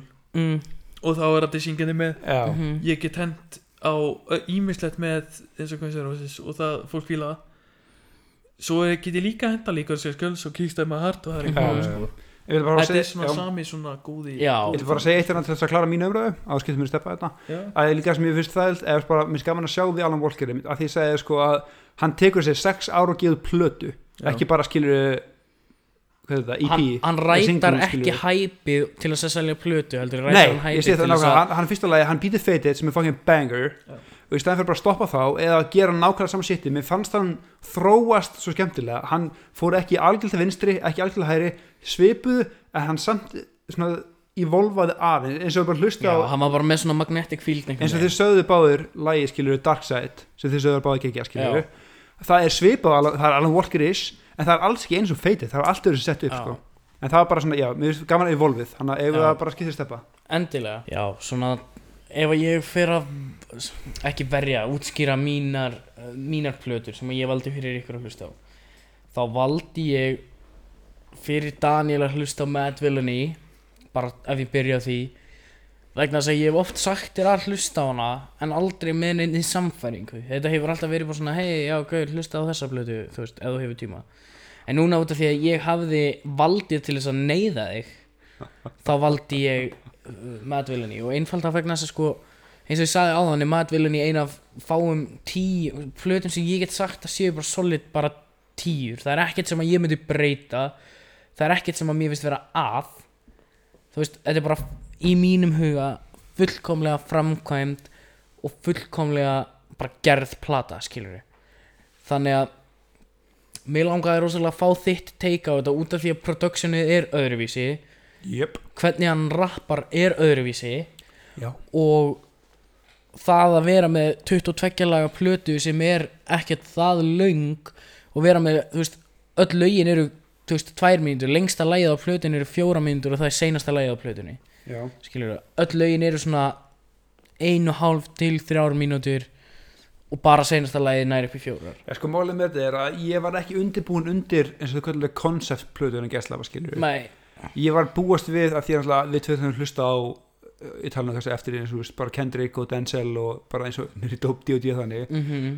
Og þú sagði það var geggja production þannig. Ég bjóst við einhverju en ég ætla harðara Já, já, sem já, byrjar bara eitthvað fucking soft lounge jazz skilur og ég er svona ok, þetta er ekki það sem ég bjóst við. Nei, ok. En ég er þetta að vera að veikna það ég geinaði mikið meiri respekt fyrir henni þegar ég sá hún gefum 2004 Já. Þá var ég bara ok, þetta er, þetta er alveg next level Og til þess að fara sko. kannski aðeins, mei, aðeins dýbra enn í Villainy ef við getum kannski gert á eftir að, en ég ætla bara að segja að þetta er nei, fucking gera bara núna let's go. ok, um, sem sagt sambúl ef að þú vilt aðeins útskýra fyrir þá sem ekki vita. Já, sambúl er í rauninni tekið gamalt hljóðbrot hvort sem er úr lægi, hvort sem er úr bíómynd, hvort sem er úr viðtali hvað sem þú vilt bara eitthvað hljóðbrot og nota í lægi þá er það kallað sambúl uh, það er rosalega mikið um það á meðvelinni það er Já. mjög mikið um það bara hjá Já, það er meðvel náttúrulega bara á all, Pinata. öll fucking með villi platan hún er bara Samplið. meira og minna öll sam, sam og það eru margir, mjög margir það er minna núna í þessu trap uh, æði sem er í gangi núna að vera að nota sambúl en í þessu eldra hip-hop kann ég nota þetta endalaust Mhm. uh, allir þessi vel þetta prodúsar Madlib þegar þeir gera tónlist þá er það í kringum sambúl í rauninni Já, þannig að þú veist, sambúl basically, þú veist, þú finnur eitthvað hljóðbrot sem þið líst vel á og þú bara basically byggir bítið þitt á þessu hljóðbroti Já. og gæjar eins og Madlib, Kanye, J Dilla og núna eins og staðan er núna Kenny Beats Já. eru rosalega mikið að vinna með þetta Kenny Beats gerði plötu ársins 2020 að mínum að því með Denzel Curry Unlocked. Unlocked. Um, en já, Ég, sko að því að ég fíla hann í bótt, mér sem finnir skilur að því að þið kölluðu mig sample hater á hann. Já, en sko, en sko við erum geggjuð bara að því því að það sample greip mig miklu meira heldur en já, ég skil þig Madvillainy, sko. En til að loka Mad Villainy uh, svona ástæðanum að ég valda hana er það mér langaði rosalega mikið að fá þitt take og það ég veit að þetta er öðruvísi fyrir þér. Þú veist, Já. ég veit að þú hafið, hlu- hafðir hlustað á Unlocked og það er svipum ég myndi s- setja undir svona sama subgenre skilur kannski svona, það bara aðeins aggressívari. Já, og hérna Já, þetta er bara bæði svona experimental já, hip-hop í rauninni. Já, já, algjörlega. Til að og, dynda sér. og einu bara einhver setjum með eitt með sampling. Að þú veist, mér veist sampling vera svolítið af því að þetta, er svona, þetta tengst hann enn í stærri punkti að mér sko að þú veist mér finnst allt í lægi að fíla mjög vel gera tónlist. Ég lera tónlist að þið tölum um það anskilur þú hlustar á það sem þú veist skemmtilegt þú drekkur það sem við gott að bræði skilur og horfður það sem skemmtilegt. Það sem pyrra mig að með stundum ég voru varfið í sampul heiminum ekki voru ykkur skilur bara eins og ég sé reddit skilur og svona YouTube kommentum og okkar að mynda svona snobb í kringum oft sample bara hvað, það ekki geta sample bara nei já, ég að ég hef ekki hlust á kassetu sem gefur út í Nebraska 1978 og Það sendi til dæmis- 1500 En fucking það endur finnst sko. mér vera líka töfrið við samplið að ef, að, ef að það er sett sampúl inn í lag ef að kann ég gerir það eða eitthvað að nota sampúl og gerir risa lagur því að þá ertu komin út í það sko að fólk fyrir að hlusta á þetta lag já, það er rétt sko en, En bara, ég skil hvað þú ert að meina sko ekki vera snobbar um að skilja það Nei, nei. er svona en sko ég ætla bara að viðurkenna það fúslega að áður en að ég horfði á vídeo á YouTube sem sagði eða sem að var All Mad Villainy Samples þá þekkti ég ekki eitt einasta lag Nei, sem var notað í Þetta er bara svona, vá, hlustar ekki að Matt Villainy hvað, fylgir ekki sampúli bara, gaur, upp á þátturinn er fucking friends. Þetta er svona svona, þetta er svona mig þetta er sem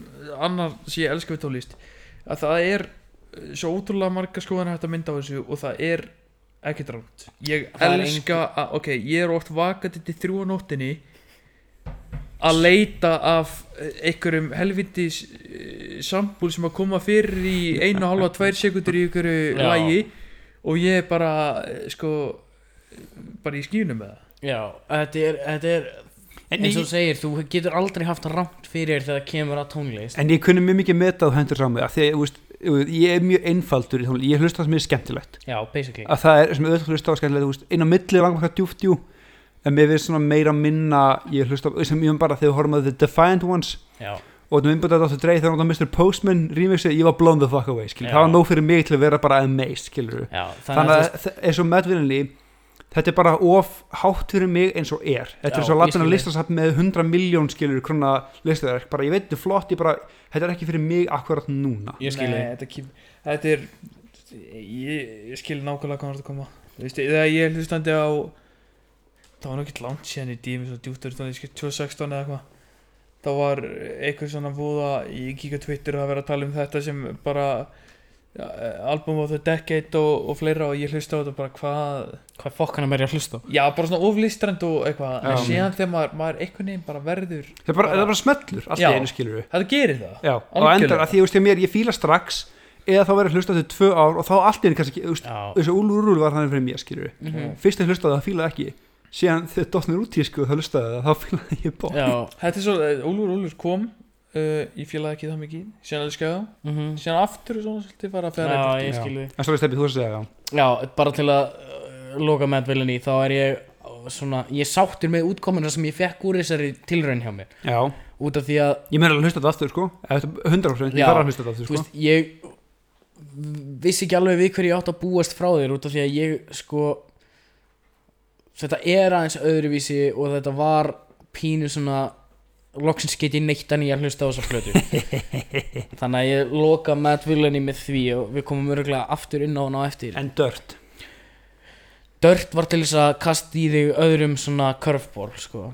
út af því að uh, Marja, kærastæðin er uh, næst stæsti Pearl Jam aðdándi sem ég þekki á eftir pappinar já líklega já, þetta er bara mjög fair að segja það. Og hérna, ég veit að þú hefur verið að látin hlusta svolítið á Pearl Jam.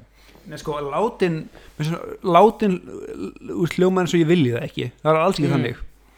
Þú Þetta- hefur hlusta svolítið mikið hlusta- á já, já, Pearl já, Jam. Og mér finnst alls Já. ekki leiðið tónlist mér finnst bara, þetta er eitthvað sem ég vel ekki aktiv vilja setja á skilju en ég ég fara tónleika vettar í Írlandi skilju og gekkja tónleika Já. það mun ekki mikið eftir þeim Nei, en um, en sko, já, sem sagt Alice in Chains eru bara þeir eru þingri heldur en Pearl Jam um, þeir eru ekki alveg eins melodískir en þeir eru með víðari hugmyndir og víðari tónlistastíl skilur þannig að þeir já, eru bara trailblazers já, þeir eru með stærri kassa. flokki sko.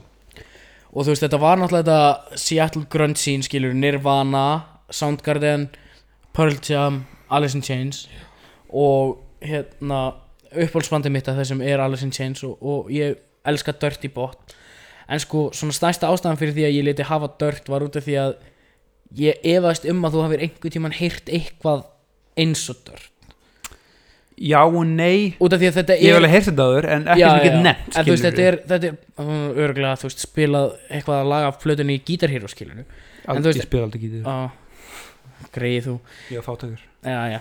Djók, Nei. sorry. og hérna nei og þetta er svona blanda af Nirvana og listinni sem að fylgdi Nirvana og bara Metallica skilur, þetta er bara, þetta er þungarokk sko Alice in Chains Mér fannst, það samt ekki þunga þungarokk sko. Nei, en, Já, en ég það koma, auðvitað- það koma dæmis partar sko Til dæmis með, úst, ég auðvitað að hlusta á Alice in Chains frekar en Nirva- Nirvana allir mm.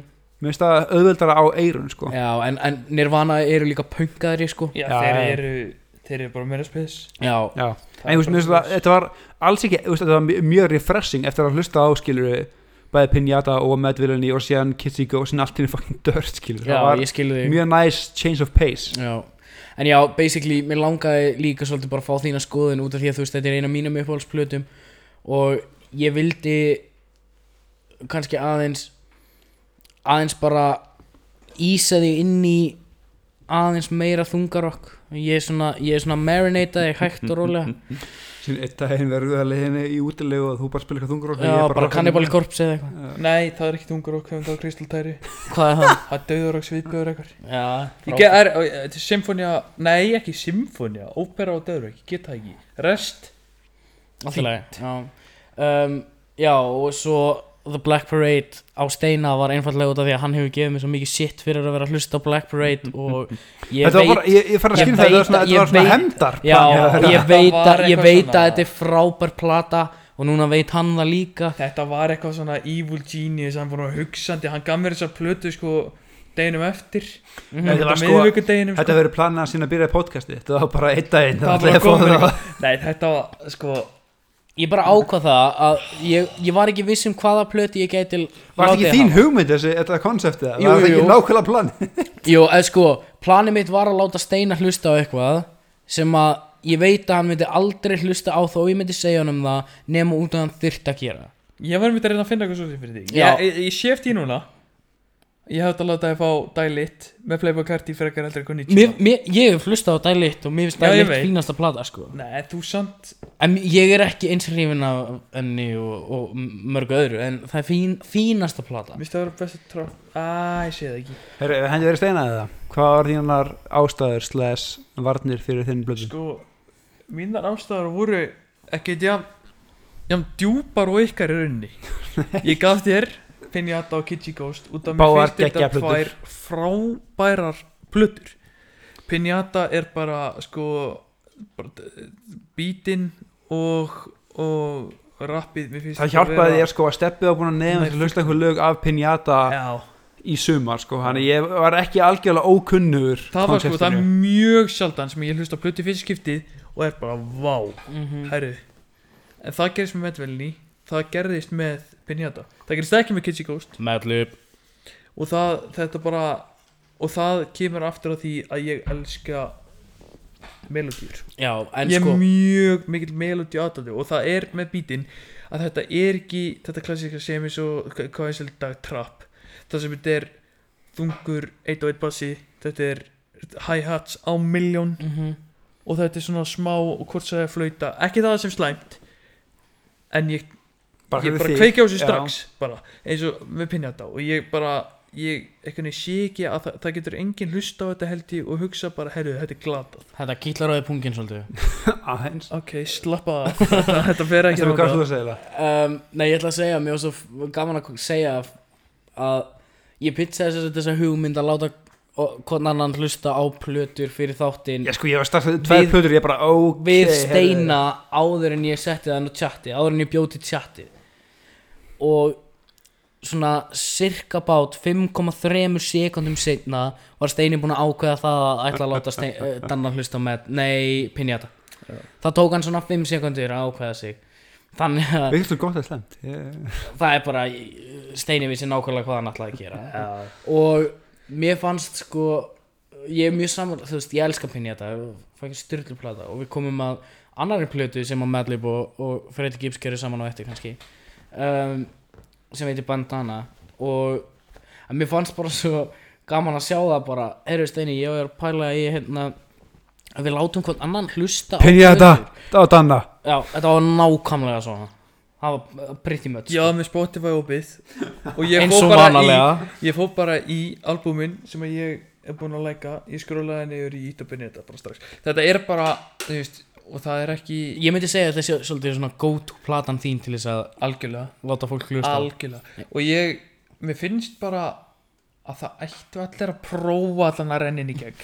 Út af því að þetta er bara hún er svo þægilega á eirun hvort sér taktanir Hún er og alveg, og sko, er ok, rétt sko ég gefi það að það er sko hann er rappand um kókain og hann er rappand um uh, dóp og, og, og vera á kutinni og það er náttúrulega ekkert, ég get ekki tengt við það. Það er ekkert relatable. Nei, en þetta er svo tægilegt út af ég veit hann að segja sannleika, hann er urlæsturinn og, hvað, og bara að heyra hans sögu yfir þessum indislegu bítum frá Þú horfði bara á cover artu og bara, já, í trúin Já, í álfurinni Hann Hann hana í þessum svarta Adidas Jumper Galla Það hana er Já, fannig já. vindilega síkjörti eða whatever sem er með kjáttinu Já, svo, svo skemmir ekki fyrir að, að Freddie Gibbs er líklega the funniest man in showbiz. Já, hann er Ég, ég, ég Það ætti- ráðleik ekki ekki að kíka á Instagram hjá honum En þú veist það, Það ættu allir að prófa að skoða story hjá honum. Næ, ég veit það ekki maður Ég veit það ekki. Ef þið, ef, þið, ef þið eru viðkvæm ekki gera það en ef þið, ef þið eru fyrir húmor En En það Kitsy var- Ghost, hvað Já, var það var ástæðan fyrir minni þetta Bara, mér finnst allir eftir að allan renni í geng Sjá, Kitschy Ghost Ég, uh, eftir að gefa Pinata Þetta er löngplata Hún er lengri í kantinum allavega Og ég, Kitschy Ghost Ég þurfti að hlusta á hana svona 15 sinum orðin ég byrja að fíla hana Já. En þegar hún kikkaði, þegar hún small Guð minn, álmáttið hvað hún Já. small hún, hún, ég þurfti líka að hlusta svolítið ofta á hana Já. Ég var bara, sko, fólk var að kalla þetta tíu á Twitter og ég var bara, veist, ég er gríðalegu Kanye maður. þú ert það Ég elska Kanye West og ekki sem personu endilega. Sem tónlistamann, það er. Hann er bilað að það er hann er eitthvað sem- geggjaður eitthvað bilaður tónlistamann. eitthvað sem týnir samfélagin dag það má- þau má líka við einhver sem tónlistamann ég, þó að- ég er búinn að læra það að ég get, uh, sem sagt, separatað manneskina frá tónlistinni. já, sko, að mestu leiti Já, Sem ekki fara að ekki það, ekki það, ekki ætla, það. ekki, ég ætla ekki að fara að hlusta á hérna, R. Kelly sko. Nei, nei, en ekki það að ég hati Kanye West eitthvað sem manneski en bara pólitíska skoðanir kannski má leggja til hliðar Já, að hlusta á músíkina þér er bara drullu saman Ég pólitík ekki að- ég- ég ætla ekki að vera Það er svona, ef þú ert Mér ákærður- gæti verið meira sama. þú- gæti ekki verið meira sama. Ég segi, ef þetta ákveður fyrir barnan í þá kannski myndi ég aðeins pípa niður. Já, Já, ég, sjálfsög þú veist, þetta er R. Kelly og svona, þú veist, maður er ekki alveg að fara að hendi Já. það. Nei, en þú veist, kann ég, þetta er steiktu Hann ó, í alveg, hann ekki voru er, varðið það? hann er aðeins tæpur En shit, hvað hann er góð mér tónlistarmaður. vera Já, mjög sturlað. gæðmyndir Hann gerir þessa plötu með Kid Cudi annar styrlaður Já, tónlistamann og sko, kann ég gáði þrjá plötur þessu árið. Það var Daytona með Pusha T Það var ég sem hann gerir bara sjálfur Og það var Kitschy Ghost. Þetta eru gefið út á Sko sex vikam held ég. Já, ég og Kitschy Ghost var vikumillibill Þetta er bæði 25 minnur mínus. Mhm. Þetta er bara svo velgerða plötur. Ég veit ekki á Það er- hvað já, var rosa hana En plata, guð sko, sko. og svo, svo náttúrulega prodúsaran alla Daytona með Pusha T sem er önnur bara störlu plata og að mínum mati besta platan af þessum þrjum Já. Er ég, Hún er þannig upp Ég Hún get er- ekki gert upp. Ég- ég held ég að ég einhvern tímann látið hlusta á eitt eða tvö lög af Pottþétt, henni sko, Ég myndi 100% örugglega að gefa Kitschy Ghost síðan Nei, ég veit ekki hvort ég myndi sitja í tvö. En ég gæti Kitschy Ghost út af að þetta er auðveldlustun Þetta er svona aðeins Þetta er öðruvísi, þetta er mjög öðruvísi. Hún er experimental sko upp á það að gera hún er svolítið rockuð eins og ég sagði áðan sko. Það er svo, svo íbyrta er að geta hend Kid Cudi á rockapluta átara góða, hann hefur reynda hann hefur reynda og sjálfur. Það fór ekki vel. Jésús minn, það var umulig plata. Það var uh, speeding Speeding Speeding Bullet to, hell, to Heaven. Já. ég hef lust á hana einu sinni. Að God is. King maður, geggjum plata. Ha, God is King. Nei, hvað er- er er ekki Jesus is King. Jesus Nei, is King, já. Já, Nei. Jesus King, síðan kom hérna ég man ekki hvað var. Hann gerði Jesus King sem að ég Fín löginu bara- milli. Mhm. já, ég hef alltaf verið á því að Jesus King er fínast plata. Ég á hana já, fyrstur í Pólandi. Ég voru á sölum með í hendinni. Ég var aldrei átt að betra. Eins og, hann, eins og hann vildi það. Hann Ég það. Síðan, Ég svera kom, Nei, ég man ekki hvað var. Síðan kom hérna sem sagt svona um, Hann tók kóri sinn Sem hann vil kalla besta kóri heimi Já. Og gerði hérna Aðra plöti, man ekki hvað hann heitir Maður anskotin nei, ég man það ekki heldur En það var sem svona frá Jesus King í Jesus rauninni. is born eða eitthvað Já, það ekki Jú, Ég held eitthvað það. svoleiðis Hún var fín líka En ég hendi ekki þess að Kitty Ghost í Út af því að hún er bara Hún er bara svo þægilega að hlusta á Í rauninni Við hverju hendur að stefna áttur? Það var Ég hendi Konnichiwa og Jesus. Jesus Jesus Sko Ég og Steppi tölum saman hverjum einasta degin tólist Hverjum einasta degi. Já, Og ég hendi sérst Konnichiwa og Jesus í hann Út af ég vissi að þetta var plötu sem hann hefur ekki Hlustað á Á fullum ákafa. Kannski ekki verið með aðtiklan alveg á réttu stað Þegar hann hlustað Við getum orðað nei, sko ég náttúrulega hafði hlustað á lög af Konnichiwa, þú veist, frægustu lögin hans skepta eru á Konnichiwa, þú veist, Man og, og Shutdown og, og, og Lyrics. Þannig að ég hafði hlustað á þau lög. Ég er náttúrulega ekki sem að lyrics ég fræðast lögum, ég það er störtla lag. Það er að, hérna, ég hafði hlustað á þau á þessi lög en aldrei á plötuna í heilsinni og þú varst oft búin að segja mér að hlusta á hana. Ég bara gerði það aldrei. Um, en sko allar plötunar þínar eiga það samilegt sem að þú velur er productionið. Já. er styrlað á þeim öllum. Það er eitt sem ég langar að koma inn á. Ég byrjaði sjálfur að gera tónlist og ég er búinn að vera að gera góða, ekki, mjög góða tónlist. Já, þú ert bara að myndu myndi segja það eða ekki? Ég myndi líka hrauni við ef þetta væri lélega Nei, ég tónlist myndi ekki gera. Ok, aðdáðana, ég er að True. og það lætur mig meta production svo miklu, miklu meira. Ekki það að production sé bara að gera bítið það er miklu meira en það. En ég bara að heyra gott vel smíða bít hafa flóða plötinni gott Mhm. lögin eru passa vel saman. Það gerir mig bara ánæðan já, ég er sammála því. Og þá þarf, segja mér sem ég kann ég vinn okkar. Kýtlar þessi pungin hefur ok, já, þetta með þetta kýli pungin eða hvað, hvað er okkur nei, sérst, segja mig svo hvað er það að segja dæmi einhverja plötu okkar leit, nei Kólestrafat, segjum það. Ok. Frábærlega prodúsupláta mm við vitum það öll að Kanye er ekki besti rappari í heimi. Nei.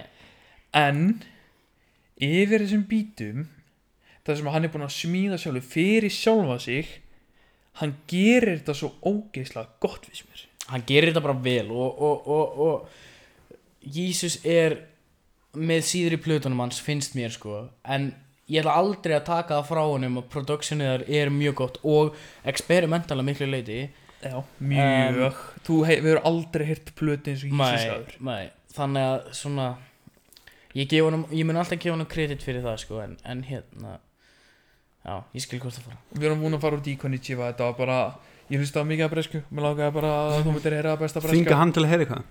Mm, ég, það en ég, að ég ætla að viðkynna það ég hef heyrt betri uh, græn plötu. Ú, og það er. Heaviest Ahead með Stormzy þetta er bara eitthvað almennt kæft að ég verði aldrei að eyfin það er mjög góð plata. En er það henda okkur í Hvað?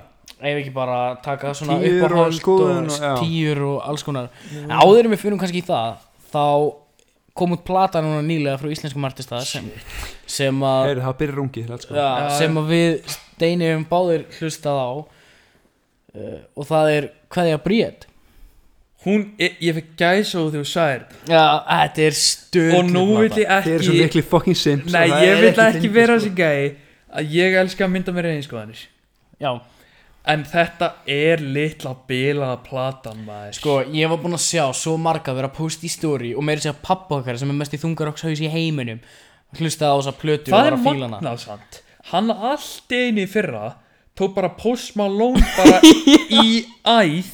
Já og síðan núna bríet og prófaði mér þess að kannjöplötur og allt maður. Já, pappi, pappi er að opna sig í tónlistinni sem ég geggjað. Um, En hverja bríet, ef við komum aðeins örstutt inn á það. Ég var búinn að sjá hæpið Þú varst búinn að sjá hæpið Daniel er búinn að sjá hæpið Daniel hefur ekki gefið, into the hype. Um, Við gerum það báðir Og þú varst búinn að hlusta eitthvað á hana Og sagðir, herru þessi plata er bara, geð eitthvað Nennir, uh, ég mæli með þú hlustir á hana Og það var ekki fyrir en við sátum í sama herbyrginu og þú varst að hlusta á hana og ég eitthvað, oh shit, já, kannski ég prófa hana.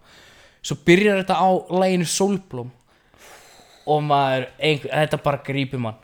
Nei, Sólblóm sko, já, þetta opnar platan opnar á Sólblóm. Það er bílalag það er bílalag það er eitthvað, sko, það er svona þetta er náttúrulega svona, ég veit ekki Þetta er svona futuristic pop Já, þetta er svona futuristic experimental eitthvað. En þetta er bara við, maður hefur ekkert heyrt þetta áður í rauninni. Við veist, svolítið Það er svona Dua Lipa feelingur í mörgu. Við erum Já, ekki sponsoraðir af Brít bara bara að hafa hreinu bara þetta fitta svo fullkomlega. Þetta er bara það er langt sem ég hef heyrt íslenskuplötu sem að hefur hljóma svona vel. Ah, það er ekki Ris, Risa sjátt á Bríði Já. Ekki Ég held að- ég held að hún þurfi ekki að á það sko. En- Nei, ég held ekki Nei, ég held ég, en ef að Ég held að hún er bara alveg mjög góð á sko, ef það er se- eitt hérna sem er ekki hlust á hann þá bara hendur ég Se Seriós-auglýsingin en að Bríett let mér næstu ekki vilja hlusta á plötuna en það er annar mál. Mér finnst það bara leiðilega auglýsing. Við erum að fara að halda Danna niður í setja á hann Ég held það sko. Pínandi Við erum að fara að teipa hann hérna niður. Um, En komum að tíum. Hvað gerir tíu? Og ég ætla bara að byrja á þér Steini. Út af því að þú ert lang eh, Við erum álíka dómharðir En þú ert með færri tíu heldur en ég. Já, Ég er með fjórar. Um þrjár. Ég held ég sem er í alveg eina ef ekki null uh, Tí, Pjúra tíu sko. Tíja fyrir mér er plata sem ég get alltaf farið til. Mm -hmm. tíja fyrir mér er plata sem er og ég segi ekki fullkomin með þess að það er ekki til eins sem heitir fullkomin plata. En tíja- Við byrjum bara, hvað er skilningur á tíu? Áraðu við förum í þetta. Við erum að, hann Steini er Já, að fara í tíja finnst mér vera bara að þetta er ACC, mér finnst það ekki vera til fullkomin plata. Mér finnst það alltaf vera eitthvað sem að og, og það er náttúrulega bara, það er er bara mannlegt. Já, þess maður hefði vilja breyta ykkur þetta er svo pinjata, sem mér finnst vera tíja ég hefði persónulega vers á pinjata læginu Mhm. sem ég hefði köttað út og haft lægi stýttra en það, Mhm. það er ég. Er, og- ok, er, er tíu þá bara plata sem þú getur farið allt til getur hlusta alla í gegn og alltaf sem skaman að af hefur bara litla sem enga galla. Ég veit, það eru náttúrulega allar, eins og ég segi mér finnst allar plötu vera með eitthvað eða þú veist, það tala um að skipa aldrei eða það tala um þá að ég, ég hugsa eða að það, ok, ok. ef við, ef við ef þá er ég- mér, er nokkur tíur ef ég tek yfir ef ég tek yfir tíunni sem eins og þú ert að lýsinni mér finnst tíja einmitt vera plata sem þú getur alltaf farið til og hlustað og það er alveg sama í hvaða skapið þú ert alveg sama hvernig þið líður að þú getur alltaf hlustað á þessa plötu og hún bætir það. Já. einnig finnst mér að vera að það er plata sem að þér finnst vera persónulega persónulega ógeðslega góð og þýðir eitthvað fyrir þig Já. eða þá að þetta sé eitthvað sem að þú tengir ekkert endilega við persónulega reynslu út af því að ég er með To Pimp a Butterfly sem tíu og ég get ekki sagt að ég hafi upplifað neitt af því Nei. en þegar ég hlustaði á hana í fyrsta skipti það var bara upplifun in itself skilur og opnaði veröldina mína fyrir svo mörgu sem ég hafði aldrei gert mig grein fyrir að maður hlustar ég veit ekki hvað sátt ég að hlusta á hana. Ég hlusta á hana örgla alla í gegn örgla hundra sinnum. En í hvert einasta skipti sem ég hlusta á hana þá er eitthvað já, byrju, hann, hann sagði þetta hann, Já, og hann maður sagði er bara þetta. svona hopnar augun aðeins meira í hvert Já. skipti. Ok, ef við höfum bara þá tíja plata sem þú hlusta alltaf á hvað sé að skipa eitt lag þá eða, veist, Nei, eða, null. ekki null. Þú skipar Núll. aldrei lag á þessari þetta er plötu. plötu sem þú getur alltaf hlusta á samkvæðskapið er, það bæti skapið og skipar ekki. Er það tíja? Já, ég og- hlusta á hundru, hundru ef ekki þúsund og, eitth og eitthvað sem að það og er hún er með eitthvað x-faktor sem að pílar til þín ein, sérstaklega skilur ok, Steini, þú byrjaði það. Ég er með þrjár. Já, ég er með fjórar. Ég er með alveg döðt margar. En ég ætla bara svona að skipa over mm ég er með uh, Pinjata eins og ég er búin að segja örglega hátt upp í 200 sinnum núna. Já, Það er Medvelni sem var Stefán Leta hann er hlusta á. Og það er uh, Master of Puppets með Metallica. Já. Það er sko svo er sko nálagt eru Dark Side of the Moon með Pink Floyd. Mhm, nálagt er uh, My Beautiful Dark Twisted Fantasy. Mhm. Late Illustration það er ímislegt sem er nálagt en þetta eru þrjár tíuna mínar. Ok, ef ég fyrir yfir í mínar þá er það Mad Villainy með uh, Mad Villain. Mm. To Pimp a Butterfly með Kendrick Lamar sem er náttúrulega bara þú veist, ef þú hefur ekki hlusta á To Pimp a Butterfly þá mæli ég með að þú gerir slökk fyrir á podcastinu og gerir það núna. Um, Operation Mindcrime með Queensryche og Wish You Were Here með Pink Floyd.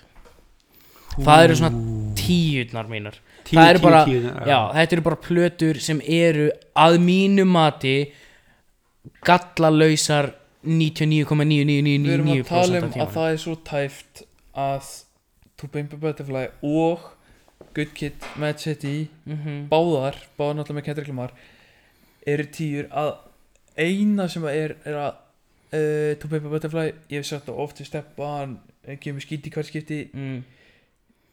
ég er mjög sjaldan í skapið til þess að hlusta á hana. Já. Ég er, er sammálaður Ég er mjög það eru sammálaður mjög margir sem eru Já. sko. að, Ég þarf að vera mjög spes skap til hún er, hlusta alla einmitt, hún er mjög jössuð. Hún er mjög djössuð já. Fáralega jössuð það er shit hvað hann er góð maður. Og Já. svo er Good Kiss Mad City það er bara, það er svona eitt og eitt lag sem er aðeins breyta. Já, mér finnst, mér finnst sko uh, það sem að skilur að mm, To Pimp a Butterfly og Good Kid Mad City er lagið Real. Ég vil ekki fá neitt real slander henni bókin Ég er ekki að Nei, segja að það sé lélegt lag en Real slender það á ekki heima í þessum elítu verkum Mér líður ítlan sko, mína Ég tíur var- er ekki saman kalibur og ykkar sko. það, Þú þarft tíja fyrir þér er tíja fyrir þér sko. Það er um, Ef ég fer aðeins út í Operation Mindcrime, ég hef náttúrulega sagt það áður á podcastinu Sagan er Já. Ég reyndi að hlusta á hana, sorry, ég gata það Nei, það er bara alltaf það er leið líka sko, hva- hvað við að ta tala um mörg lög sem eru yfir 5 mínútur á henni? Eiginlega öll Hún er, er, er klug sem ég. Já. og Og það er ekki það mörg lög á henni nei sko. sko, ég pabbi sagði mér um daginn að þeir voru að túra Queensryche með Operation nýbúin ekki maður út og Master of Puppets með Metallica, þeir voru að túra. Þeir voru að hita upp fyrir Master of Puppets. Já. það sem að ég hefði gert Mm til þess að fara þá tónleika. Já, Operation Mindcrime er sko melodísk, virkilega fucking melodísk hún. Gítarinn, trommunar, bara öll allt sem er gert á plötunni finnst mér vera óaðfinnanlega næstum því fullkomið og textin og sagan sem er sögð bætir ofan á það. Og ég hef mjög sjaldan upplifað plötu eins og Operation Mindcrime sem að segir svona heila sko, þetta er bara fiksjónal saga skilur við Já. og já, ég ég bara get ekki mælt nóg með henni. Og svo er Wish You Were Here með Pink Floyd að mínum að til besta pa- platan hjá Pink Floyd að munurinn á milli laga en samt, þú veist, cohesionið á plötunni er styrlað þú ert með lög eins og Welcome to the Machine og Have a Cigar en svo ertu með sko 26 mínúna lag sem að þurft að vera brotinir í þrjá Ertu parta. grína sko þú veist, er- Shine on you crazy Ég ætla diamond að fá að dikra þetta yfir í segwayð mitt. Mhm, að það er Wish You Were Here er auðvitað tommum mér. Mhm. Ég hef farið oftar en ég þóra að telja að sofa með bara Shine on the Chris Diamond á heilunum skilur það er líka bila og helvislag build-upið að viðlæginu að þið, þið, líka, þið leiðist aldrei Nei. þetta er geðutland, þú ert alltaf bara einhvern veginn með á nótunum skilur, mm Mhm. alltaf, alltaf on board og náttúrulega Wish You Were Here titil lagið er bara er- eitthvað fallegasta lag í Já. sögunni sko. óvins að skoðin, sísta lagi af plötunni algjörlega, en það- svo fallegt hvað er þessi fyrsta melodíðan sem læri almennilega á gítar Það Já. kynnti mér hana. Wish You Were Here þetta er líka litla bila þetta er, þetta er geggjuplata en sko ég ætla að fá að dívita eins frá ykkar þemaði sko, ef við erum þannig tíur sem plötu svo skipar aldrei. Er bara fyrir þér skilur þetta þarf ekki að vera critically nei, acclaimed þið bara svo skipar aldrei og kemur alltaf gott skap. Mhm. Lumineers og Cleopatra með The Lumineers eru Mhm. báða plötur sem ég hlusta bara back to back og það eru ekki þær uh, Making Movies og Brothers Armed Dire Straits. Mhm. það eru geðveikar. Það er mjög góða plötu ég hef erð með velja með Darkside og Wish You Were Here en minnst Wish You Were Here aðeins etcha já, aðeins betur ástafið því að ég segi Darkside yfir Wish We Were Here er að það er þú hlustar á hérna, Darkside og það er það er alltaf sama hérna ok, ekki sama kannski en það er alltaf mjög svipum melodi í gegn. Hvað sem er byrjun í endar og lægin Já. þú veist hvað það er já, já, já. og svo melodi, ég fæ gæs og við já og sko væpið á Darkside er svo rosalega það er svona einhvern veginn ef þú ímyndað er bara bara vindkviðu en vindkviðan er væp og hún, hún einhvern veginn blæs yfir öll lögin á plötunni skilur, það er sama Já. væpið og, og náttúrulega það þarf ekki að tala um David Gilmour á gítanum skilur eða, eða fucking bara creativityið og þú veist, The Great Gig in the Sky með vocal soloið skilur að fá einhverja einhverja bestu óperusöngkonu í heimi og bara, heyrðu, getur öskraða eins inn í klefa í tíu mínútur og við veljum bestu bitana? þetta var, þetta var bæði pappi sagði mér þetta aftur pappi náttúrulega alveg stofnin í þessu sko. Hann, við vorum að hlusta alltaf live uh, dagsrættabúin, við vorum, ég man í hvert vorum að keira maður að heyra þetta. Og síðan hann sagði mér að hún söngur hann hún kom inn í klefa þeir ítt og play. Mhm. og hún byrjaði bara að syngja og þessu, takk, þetta var fullkomið. Eitt Já. tek búið. Eitt teik og búið. En ein, ein svona surprise plata hjá mér, sorry, að um ykkur Born to Run með Bruce Springsteen. Ég get hlust Geggjuplata á hana aftur og aftur. Geggjuplata og Bruce Springsteen á mikið kreditskili fyrir að vera Bruce Springsteen. Og síðan er ég með eina svona í lokin fullkoman tíu sem er Pínu Curveball, það er uh, Svona eru menn með KK Ok. Hann er alltaf komið sem þið vitið og performaði í úrsliðum minni ég, ég, ég, ég hafði aldrei hlust á hann fyrir það. Ég var þarna eins og sko stelpa Hann er fucking sko, það æðislegur láði að fara að Þú varst fara bara að líði þú varst bara fangirl af ég hana. þurfti að pissa og ég var bara með ég maður núti mann við það að þurfa að fara í smást Já, Hann er bara, hann með gítara sinni, með Mike Þetta er fucking Nei, mér magic bara- sko. dætt ekki í hug að fara að tala við hann eða neitt. Ég var eins og sko eins og Justin Bieber væri mætti fyrir fram já Hann er, já, með hann með satt, nörbuna var hættu En bara hann gaf mér, gaf mér nokkur endurka plötunni svona menn og það er líka Já. að því að hún líka bara, þetta er líka bara sentimental að því að í bústafnum okkar fyrir austan þá voru alltaf þessi plötu af blöðspilunum og öll lögin eru fucking perfection. Mér finnst þetta, mér finnst hann frábær. Og bara hann er svo góðu live það er bilað íslenski gæðar þið getur sögulegir Ég veit það. Bríett KK og svo þú varst með að tala skálmöld. Já. við, höfum talað um það áður en bara já, líka þurfum- hvaðning Ef og ef, og við, ef við komum bara aðeins inn á skálmöld og það við elskum allir skálmöld. Um, Sko Það er annað svona eins og Operation Minecraft fyrir mér. Að sagan sem er sögð er það góð og það grípandi og lögin eru það melodísk en samt nógu hörð Líka til bara- þess að þú sért bara uh, Það er- það er það er að sinn mig. að, Já, að þú fucking þú þú bara fellur fyrir þessu einhvern veginn strax við fórum, ég og Steppi fórum á útgáðutónleika og þetta er, sér svo því sjálf skálmöld er mjög, það er frekar þungt rock Já, já. sammála um það uh, við fórum hana og það var gæi að spila á flautu á útgáðutónleikunum Mhm. Já. eitthvað að skrýtna flautum uh, uh, það var sem svona undirspilt það voru, það var bara eins og væri meir í náttúrunni. Það voru fugglarsyngjandi það voru allski svona að vindur maður heyri í laufunum. Síðan hægt og rólega já, byrjaði fugglarsöngurina Mhm. læk og læk og læk og lækka. síðan kemur fucking fyrsta undan BOOM! Já, byrja platan guð minn ég, ég bara, sko, ef ég, er, bara, ef ég er að keira og ég er þreyttur og það er að vakna þá set ég bara annarkur kvæðningu en narfa já. og þú bara farið eitthvað adrenalin sjokk á að hlusta á þetta. Gæsa. Ég er bara skálmöld eiga svo mikið kredit skilið líka bara ég er breynfart núna mástu það sem við hlustum á fyrir fram að krónuna? Það sem við hlustuðum á fyrir framann krónuna? Já hana með uh, kórin hann í endan eh, og tempóbreytinguna hana þú veist hvað er að tala um Ertu að tala um, þú ert að tala um, þú ert að tala um Loki? Ertu ekki að tala um það lag? Bara seinasta lagið á plötunni? Ég man það ekki. Er það baldur eða? að það er Nei. litla gæsan sem ég fæ sko. Sko, mér finnst líka bara Sko, Börn Loka finnst mér vera besta platan þeirra. Mér finnst hún verið ég bara best. Og, og, og sko, Baldur er frábær plata líka. Já. og, og Vöggusugur Yggdrasils er góð plata líka. Og hvað heitir hann að uh, platan hann á milli Vöggusugur Yggdrasils og, og Börn Loka uh, að vetri held ég hún heiti. Að vættu?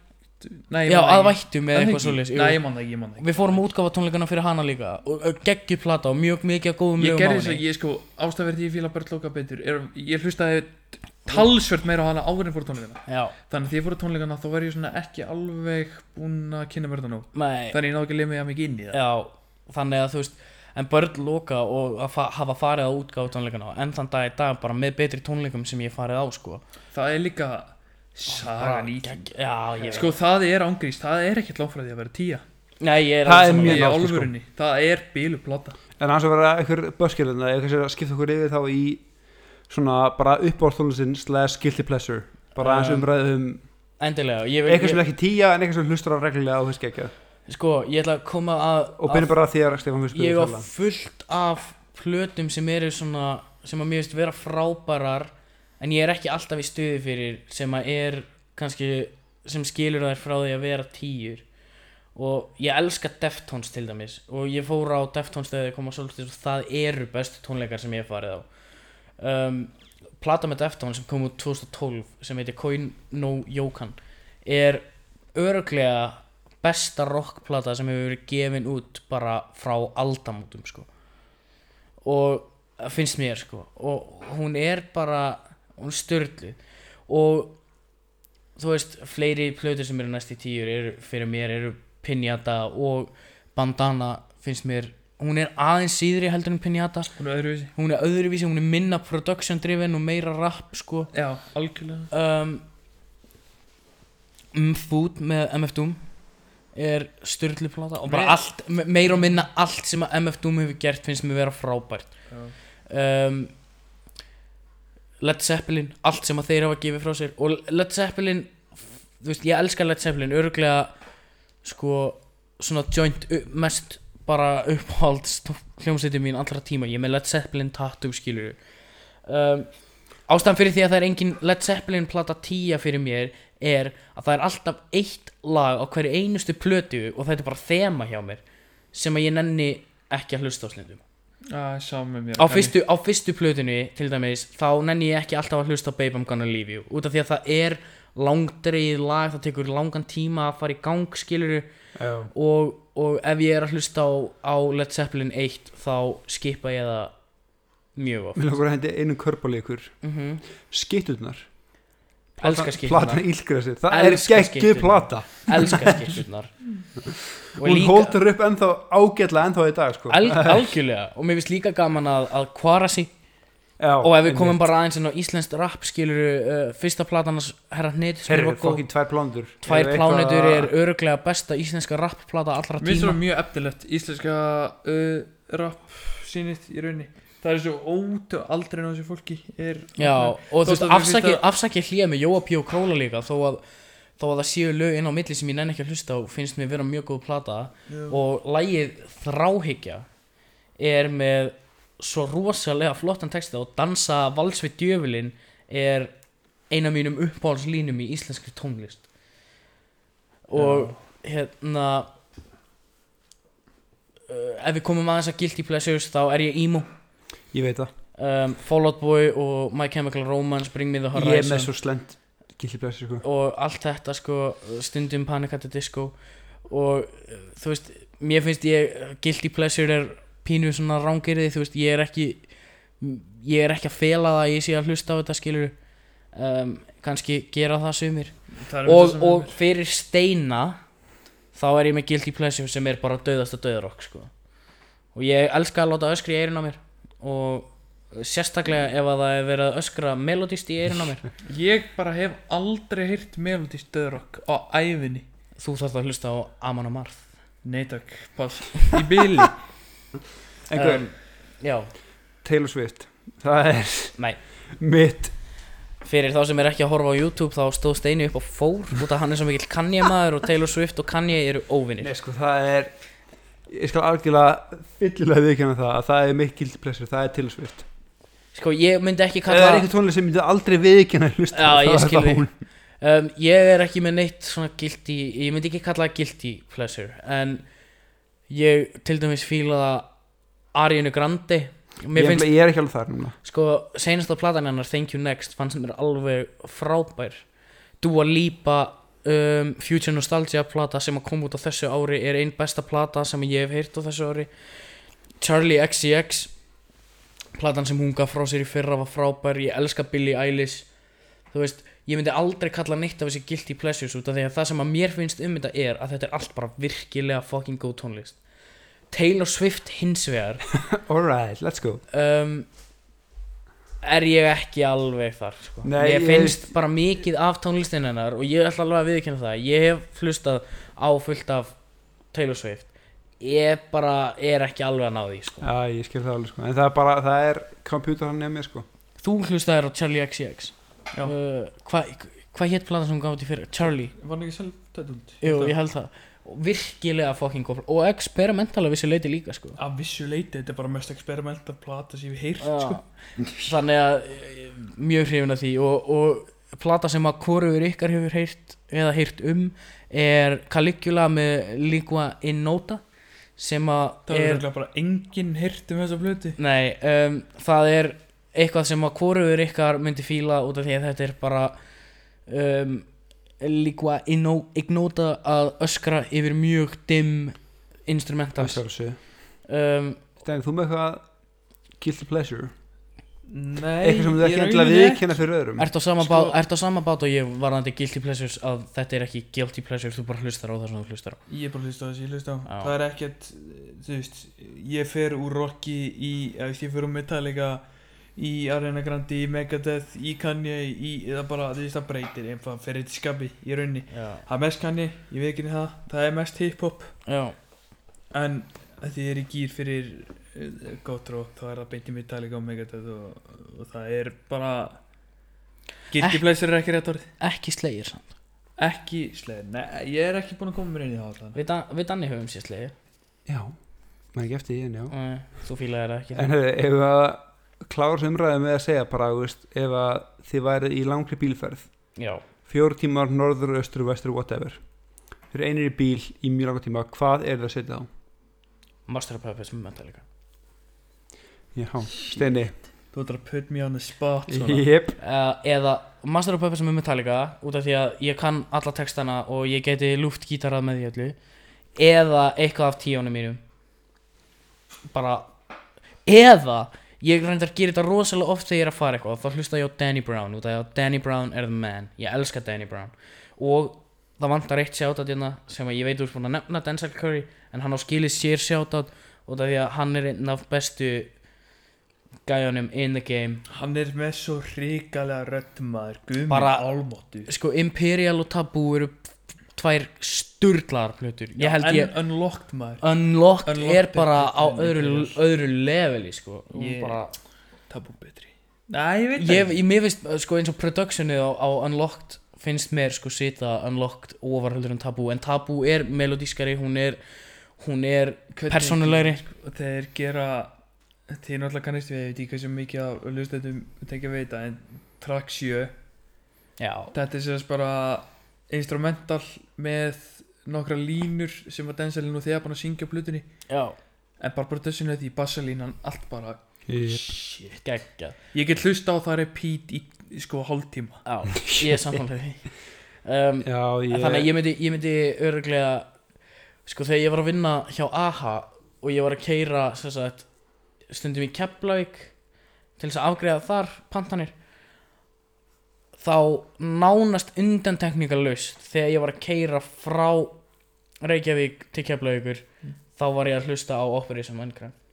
Bara á leiðinni skilur við Og það hún fullkomin lengt já, og svo þegar ég mætti í í keflavíkina þá, þá setti ég á eitthvað annað en ef ég er að keira langt þá er það Mad Villainy, Operation Minecraft To Pimp a Butterfly, Wish You Were Here eða Master of Puppets.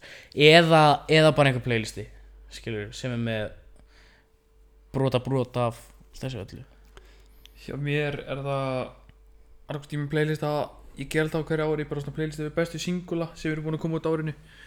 Uh, Ég elskar að hlusta það það er allt svona frekar fresh en það sem tefur ekki í sér þetta sem drive og að hlusta á heila plötu bara svona cohesinu og fleira. Já, Ef ég er að keira norður þá er ég að fara að sýta á Graduation hefur verið plata sem að klikkar aldrei á mér. Mm, Life of Pablo er plata sem að klikkar aldrei á mér. Uh, besta platan að skanni Þetta eru tvær kannirplötur síðan er líka sko uh, 53 ár plötu Metallica. Ég get hlusta á þær allar endalaust. Já, uh, það ég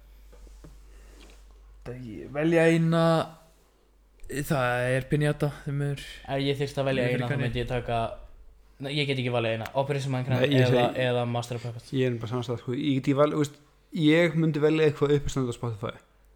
Það er bara, það er meira mitt. Þú mátt ekki velja uppistand, þú mátt að velja ég tónlista ger grein fyrir því en veist, ef ég þið velja þá myndi ég taka annarkvort Dire Straits, Pink Floyd eða þá Lumineers bara, veist, Spotify This Is playsna bara besta lögin. Já, en ef það væri plata sem ég þyrst að hlusta á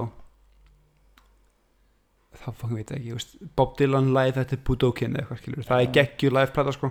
Ég er samt og hún allan er ánað með mjög löng. Ég ætla líka að koma inn á þetta mjög snögt að það er mjög mikið á Íslandi að það er hlustað á lög sem lög að, að, lítið sem ekki tala um plötur. Mhm. já, Ég er mjög sammála því. Og það er ástæðan fyrir því að ég hlusta á plötur tökur dæmi, tökur dæmi.